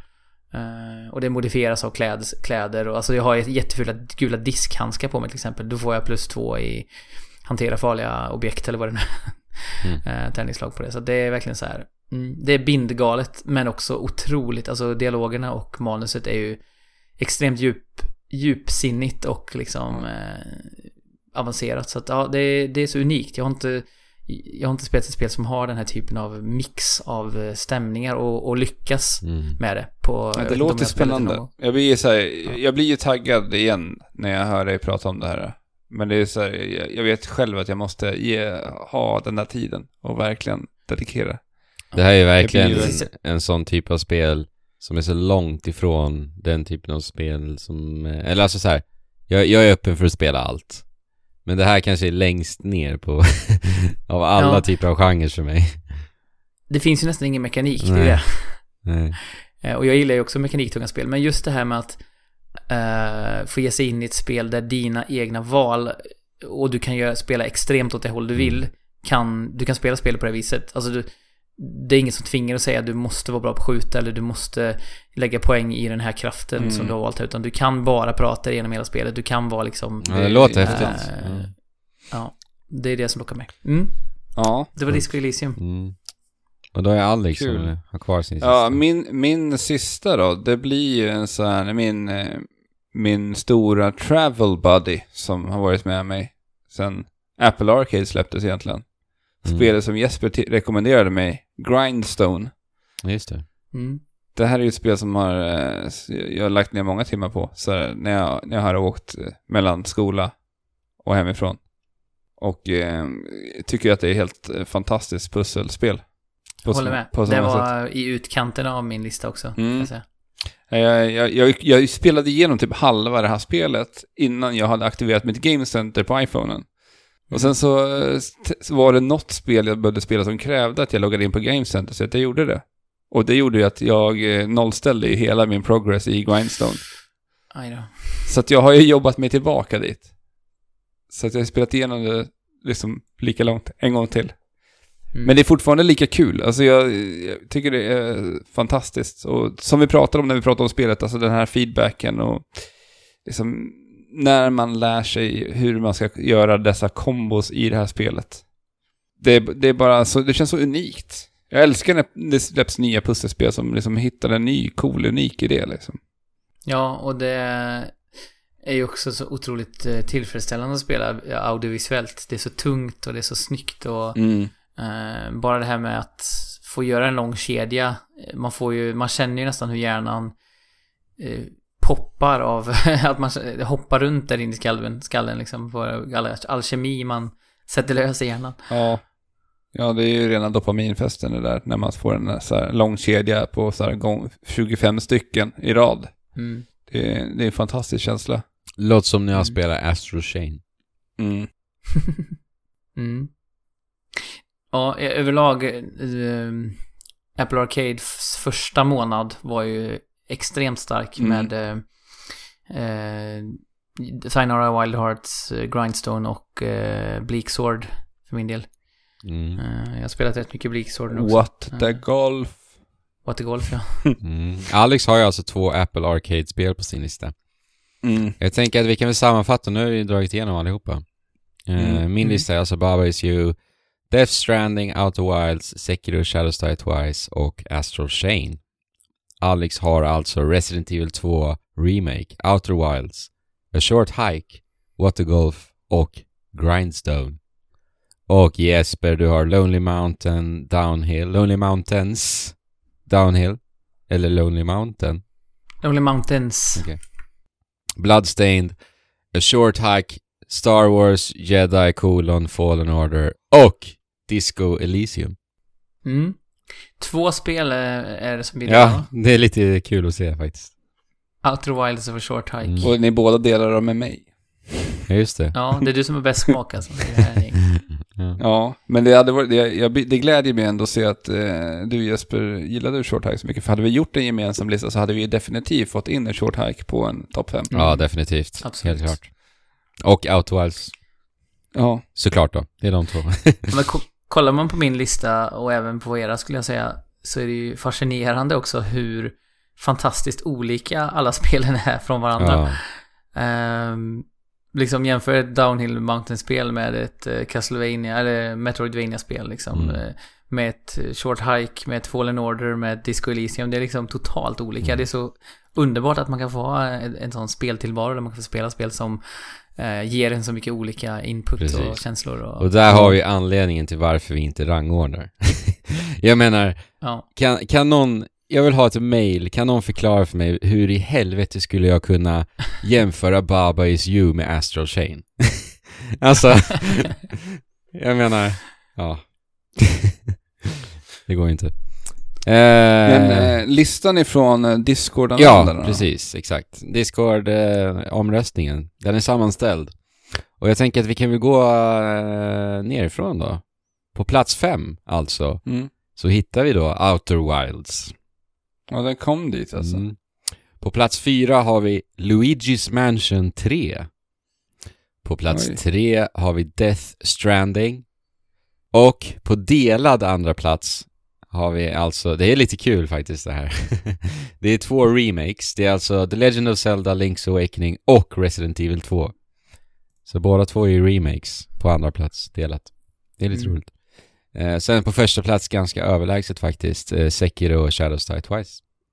Det är, jag tycker några spel är talande eh, frånvarande från den här listan. Eh, och det är att det släppts två Zelda-spel i år och ingen av oss har med något av spelen på listan. Det är lite sorgligt på ett sätt. Ja. Mm, för mycket bra Eh, spel vet du. mm, Ja, Discord hade ju det i och för sig, eh, våra lyssnare. Precis. Men, eh, eh, men, men jag, jag tyckte ju verkligen om eh, eh, Link's Awakening. Jag tyckte det var jättebra. oh. Eh, Men det, det stannade liksom inte med mig på samma sätt som med en del av de andra spelen. Och samma sak Cadence of Hyrule. Uh, musiken svimmar jag av när jag hör, men jag tycker inte gameplay är alls lika Och sen är det som- inte så kul att simma heller, det är det också. Nej, jag har aldrig gjort det. Det måste jag testa någon gång. Men Jesper, jag har en fråga till dig. Vi har ju Mm. ett spel som släpptes under 2019 som har kanske det mest Jeppe Joy-osande titeln. Mm. Och det är ju det här Kind Words. Det känns ju som Ja. ett väldigt mycket ett Jesper-spel. Alltså, man Jag har bara inte hunnit spela det. Jag har inte hunnit spela det. Du har inte det? Eh, nej, så att eventuellt så blir det 2020 års eh, Old Game of the Year som, eh, som vad heter det, Giant Bomb brukade ha. Förra årets spel vi missade. Ja. Just det. Eh, för det verkar ju vara, jag håller med, det verkar ju vara rakt upp i min Mm. eh, gränd som man säger. Jag, jag måste säga så här bara. Jag tyckte att det var ett sjukt eh, roligt spelår faktiskt, för att det var så otroligt många överraskningar för min egen del. Alltså om jag tittar på den här listan jag har, Baba Is You, jag visste inte ens om vad det var innan året började. Outer Wild, samma sak. Astral Chain visste jag inte heller om. Eh, det var bara så mycket så smatterband av överraskningar. Och där vill jag också bara så här, ge en shoutout till Ring Fit Adventure alltså. Mm. För att jag spelar det än idag. Och jag tycker att det är ett fantastiskt jävla träningsspel alltså. och vem, vem trodde att jag skulle liksom stå och trycka på en ring och springa på plats i mitt hem när året började liksom. Så, Nej. Detta var också året som jag la 60 timmar på Dragon Quest 11. ja, just det. Är det 60 Och, timmar nu eh, alltså? Ja, och njöt de flesta av de timmarna. Precis. Ja. Det, det var också spelet då vi fick ett Tetris Battle, Battle Royale som är skitbra också. Ja, just det. Det kom i Verkligen. år. Eh, Lite av ett överraskningarnas år faktiskt för egen del. Ja. Reset Media släppte ett spel som jag också tyckte väldigt mycket om, 19 1980X. Mm. Stämningsmässigt. eh, Det var ju som att läsa en, eller det, stämningsmässigt så var det som att läsa en leveltidning, eller spela en leveltidning liksom. Ja, just det. Man hörde liksom Tobias Bjarnebys eh, ord bakom eh, dialogerna i spelet. Mm. Jag tänker att det skulle vara kul så här, innan vi avrundar det här avsnittet, att bara veta en så här stor titel som vi alla ser fram emot nästa år. Om vi kan hålla oss så kort, att en titel var, som vi så här, Eh, ser fram emot allra mest under 2020. Eh, ska jag börja? Ja. Mm. Jag får nog säga Animal Crossing New Horizons faktiskt. Får jag nog göra just nu. För det känns som att det är fortfarande mycket spel vi ändå inte vet. Så här, det är mycket storspel nu i vår. Men ändå är det nog Animal Crossing jag ser mest fram emot faktiskt. Du då Alex? Det är utan tvekan Animal Crossing för mig. Alltså, Mm. jag är ju ett extremt stort Animal Crossing-fan. Gaddad Så, till och med. Ja, jag har ju till och med den här Mm. gitarrspelande hunden på min arm, som heter Mm. KK Slider. Mm. Och eh, ja, det, det är alldeles för länge sedan vi fick ett Animal Crossing. Så att Mm. 20 mars är det väl. Ja, Precis. Samma dag som Doom Eternal. Doom Eternal. precis. Ja. Det, är väl, det är väl Alex som får ta den, det spelet när det kommer. Det känns ju rätt givet. Ja, jag har ju spelat alla Animal Crossing sedan GameCube nu. Mm. Jag kommer köpa det också till familjen. Det kommer vara ett perfekt familjespel. Ja, Men ni måste, ni måste ju ha två där hemma också. Ja, precis. Minst. Ja, exakt. Eh, ja, nej men jag ser... Jag kan inte svara med en melodi här. Mhm. Det är du, du, du, du. Ja, jag vet. Du, du, du, Det är en remake också, på tal om remakes. Ja, det är en remake. Det är Final Fantasy 7 Remake som jag bara får så här bli handsvett när jag tänker på. Ehm, för Final Fantasy 7 är ett spel som jag älskar och det, det ser ju helt sjukt ut. Alltså det ser ju helt fantastiskt bra ut på alla vis. Eh, både grafiskt och musikmässigt det jag har hört. Man, man har fått se lite så man kan jämföra eh, originallåtarna med de nya låtarna som kommer komma. Mm. Eh, hur de har resta- restaurerat, restaurerat musiken och så. Sen hörde jag eh, nu att det här um, crossdressing-sekvensen kommer vara med även i remaken. Eh, Ja, var det bra? och eh, härligt. ja, men jag är också lite fundersam för Hur de kom ut för i original, ja exakt, för i, i originalet så porträtteras det ju på ett, eh, ett rätt så sunkigt vis. Eh, och jag hoppas att de har liksom uppdaterat även Ja, sina värderingar, vad ska jag säga. Ja, Eh, Jag hoppas att de lyckas med det. För man ser ju i Mm. träningsmontaget där man kan ju träna så då kan ju Tifa vara med och, och kötta också. Så där har de ju lagt till det i alla fall. Så jag Mm. hoppas att de gör det även i... Men ja, det är ju mm, någonting som jag verkligen ser fram emot. Och det är ju dessutom bara den första delen av det här spelet som vi får i år. Eh, ja verkligen. Ska de bara släppa en del i år? Mm. Det är första Ja. delen när man är Midgard som också är den bästa delen i spelet enligt mig. Mm. Mm. Ja, men hörni, där stänger vi igen eh, 2019. Ja. Nu, f- Mm. nu får vi inte spela mer spel från 2019. Typiskt. Aldrig. Jag som hade tänkt gå ner och spela Bloodstained nu precis när vi har tryckt på, på pausknappen här. Nej. Men eh, vad roligt, då är vi igång igen. Vi är ju tillbaka såklart eh, om två veckor igen då. Mm. Det är vi. Eh, då blir det mycket spelsnack också. Som sagt, jag har ju spelat sex spel under jul här. Och Fabian är tillbaka i Sverige då. Ja, just det. Ja, ju. Han är fortfarande i Brasilien men kommer hem snart. Precis. Så förmodligen kommer. Fabian vara med lite mer framöver. Mm, exakt. Nästa år. Får vi en stor Capoeira Legends eh, special kanske nästa Ja, vi, vi får ju hoppas att han har gjort den där. Det var ju därför han åkte dit till Brasilien. För att göra Ja, den han verkar ha slackat lite, tycker, måste jag säga, med, det- med den delen av sin resa. Ja, Han kanske överraskar oss nu i nästa avsnitt. mm, kanske kommer en dokumentärserie om det här spelet. han har gjort en P3-dokumentär tillsammans med Anton Berg om eh, Capoeira Capoeira Legends. Legends. Ja, Då hade jag blivit imponerad över Fabian alltså. Stolt. Mm. Vi får Ja, se nästa men, vecka. eh, Eller om två veckor, rättare sagt. Ja. Om två veckor. Eh, I beskrivningen till avsnittet så hittar ni länk till vår Discord-kanal, så anslut er jättegärna dit. Det är alldeles underbart där. Det säger jag er. Eh, och sen så finns vi också på Instagram, Twitter och vår hemsida. Hittar ni också där. Så att eh, med det sagt hörni. Spela på. Och chip. Chula.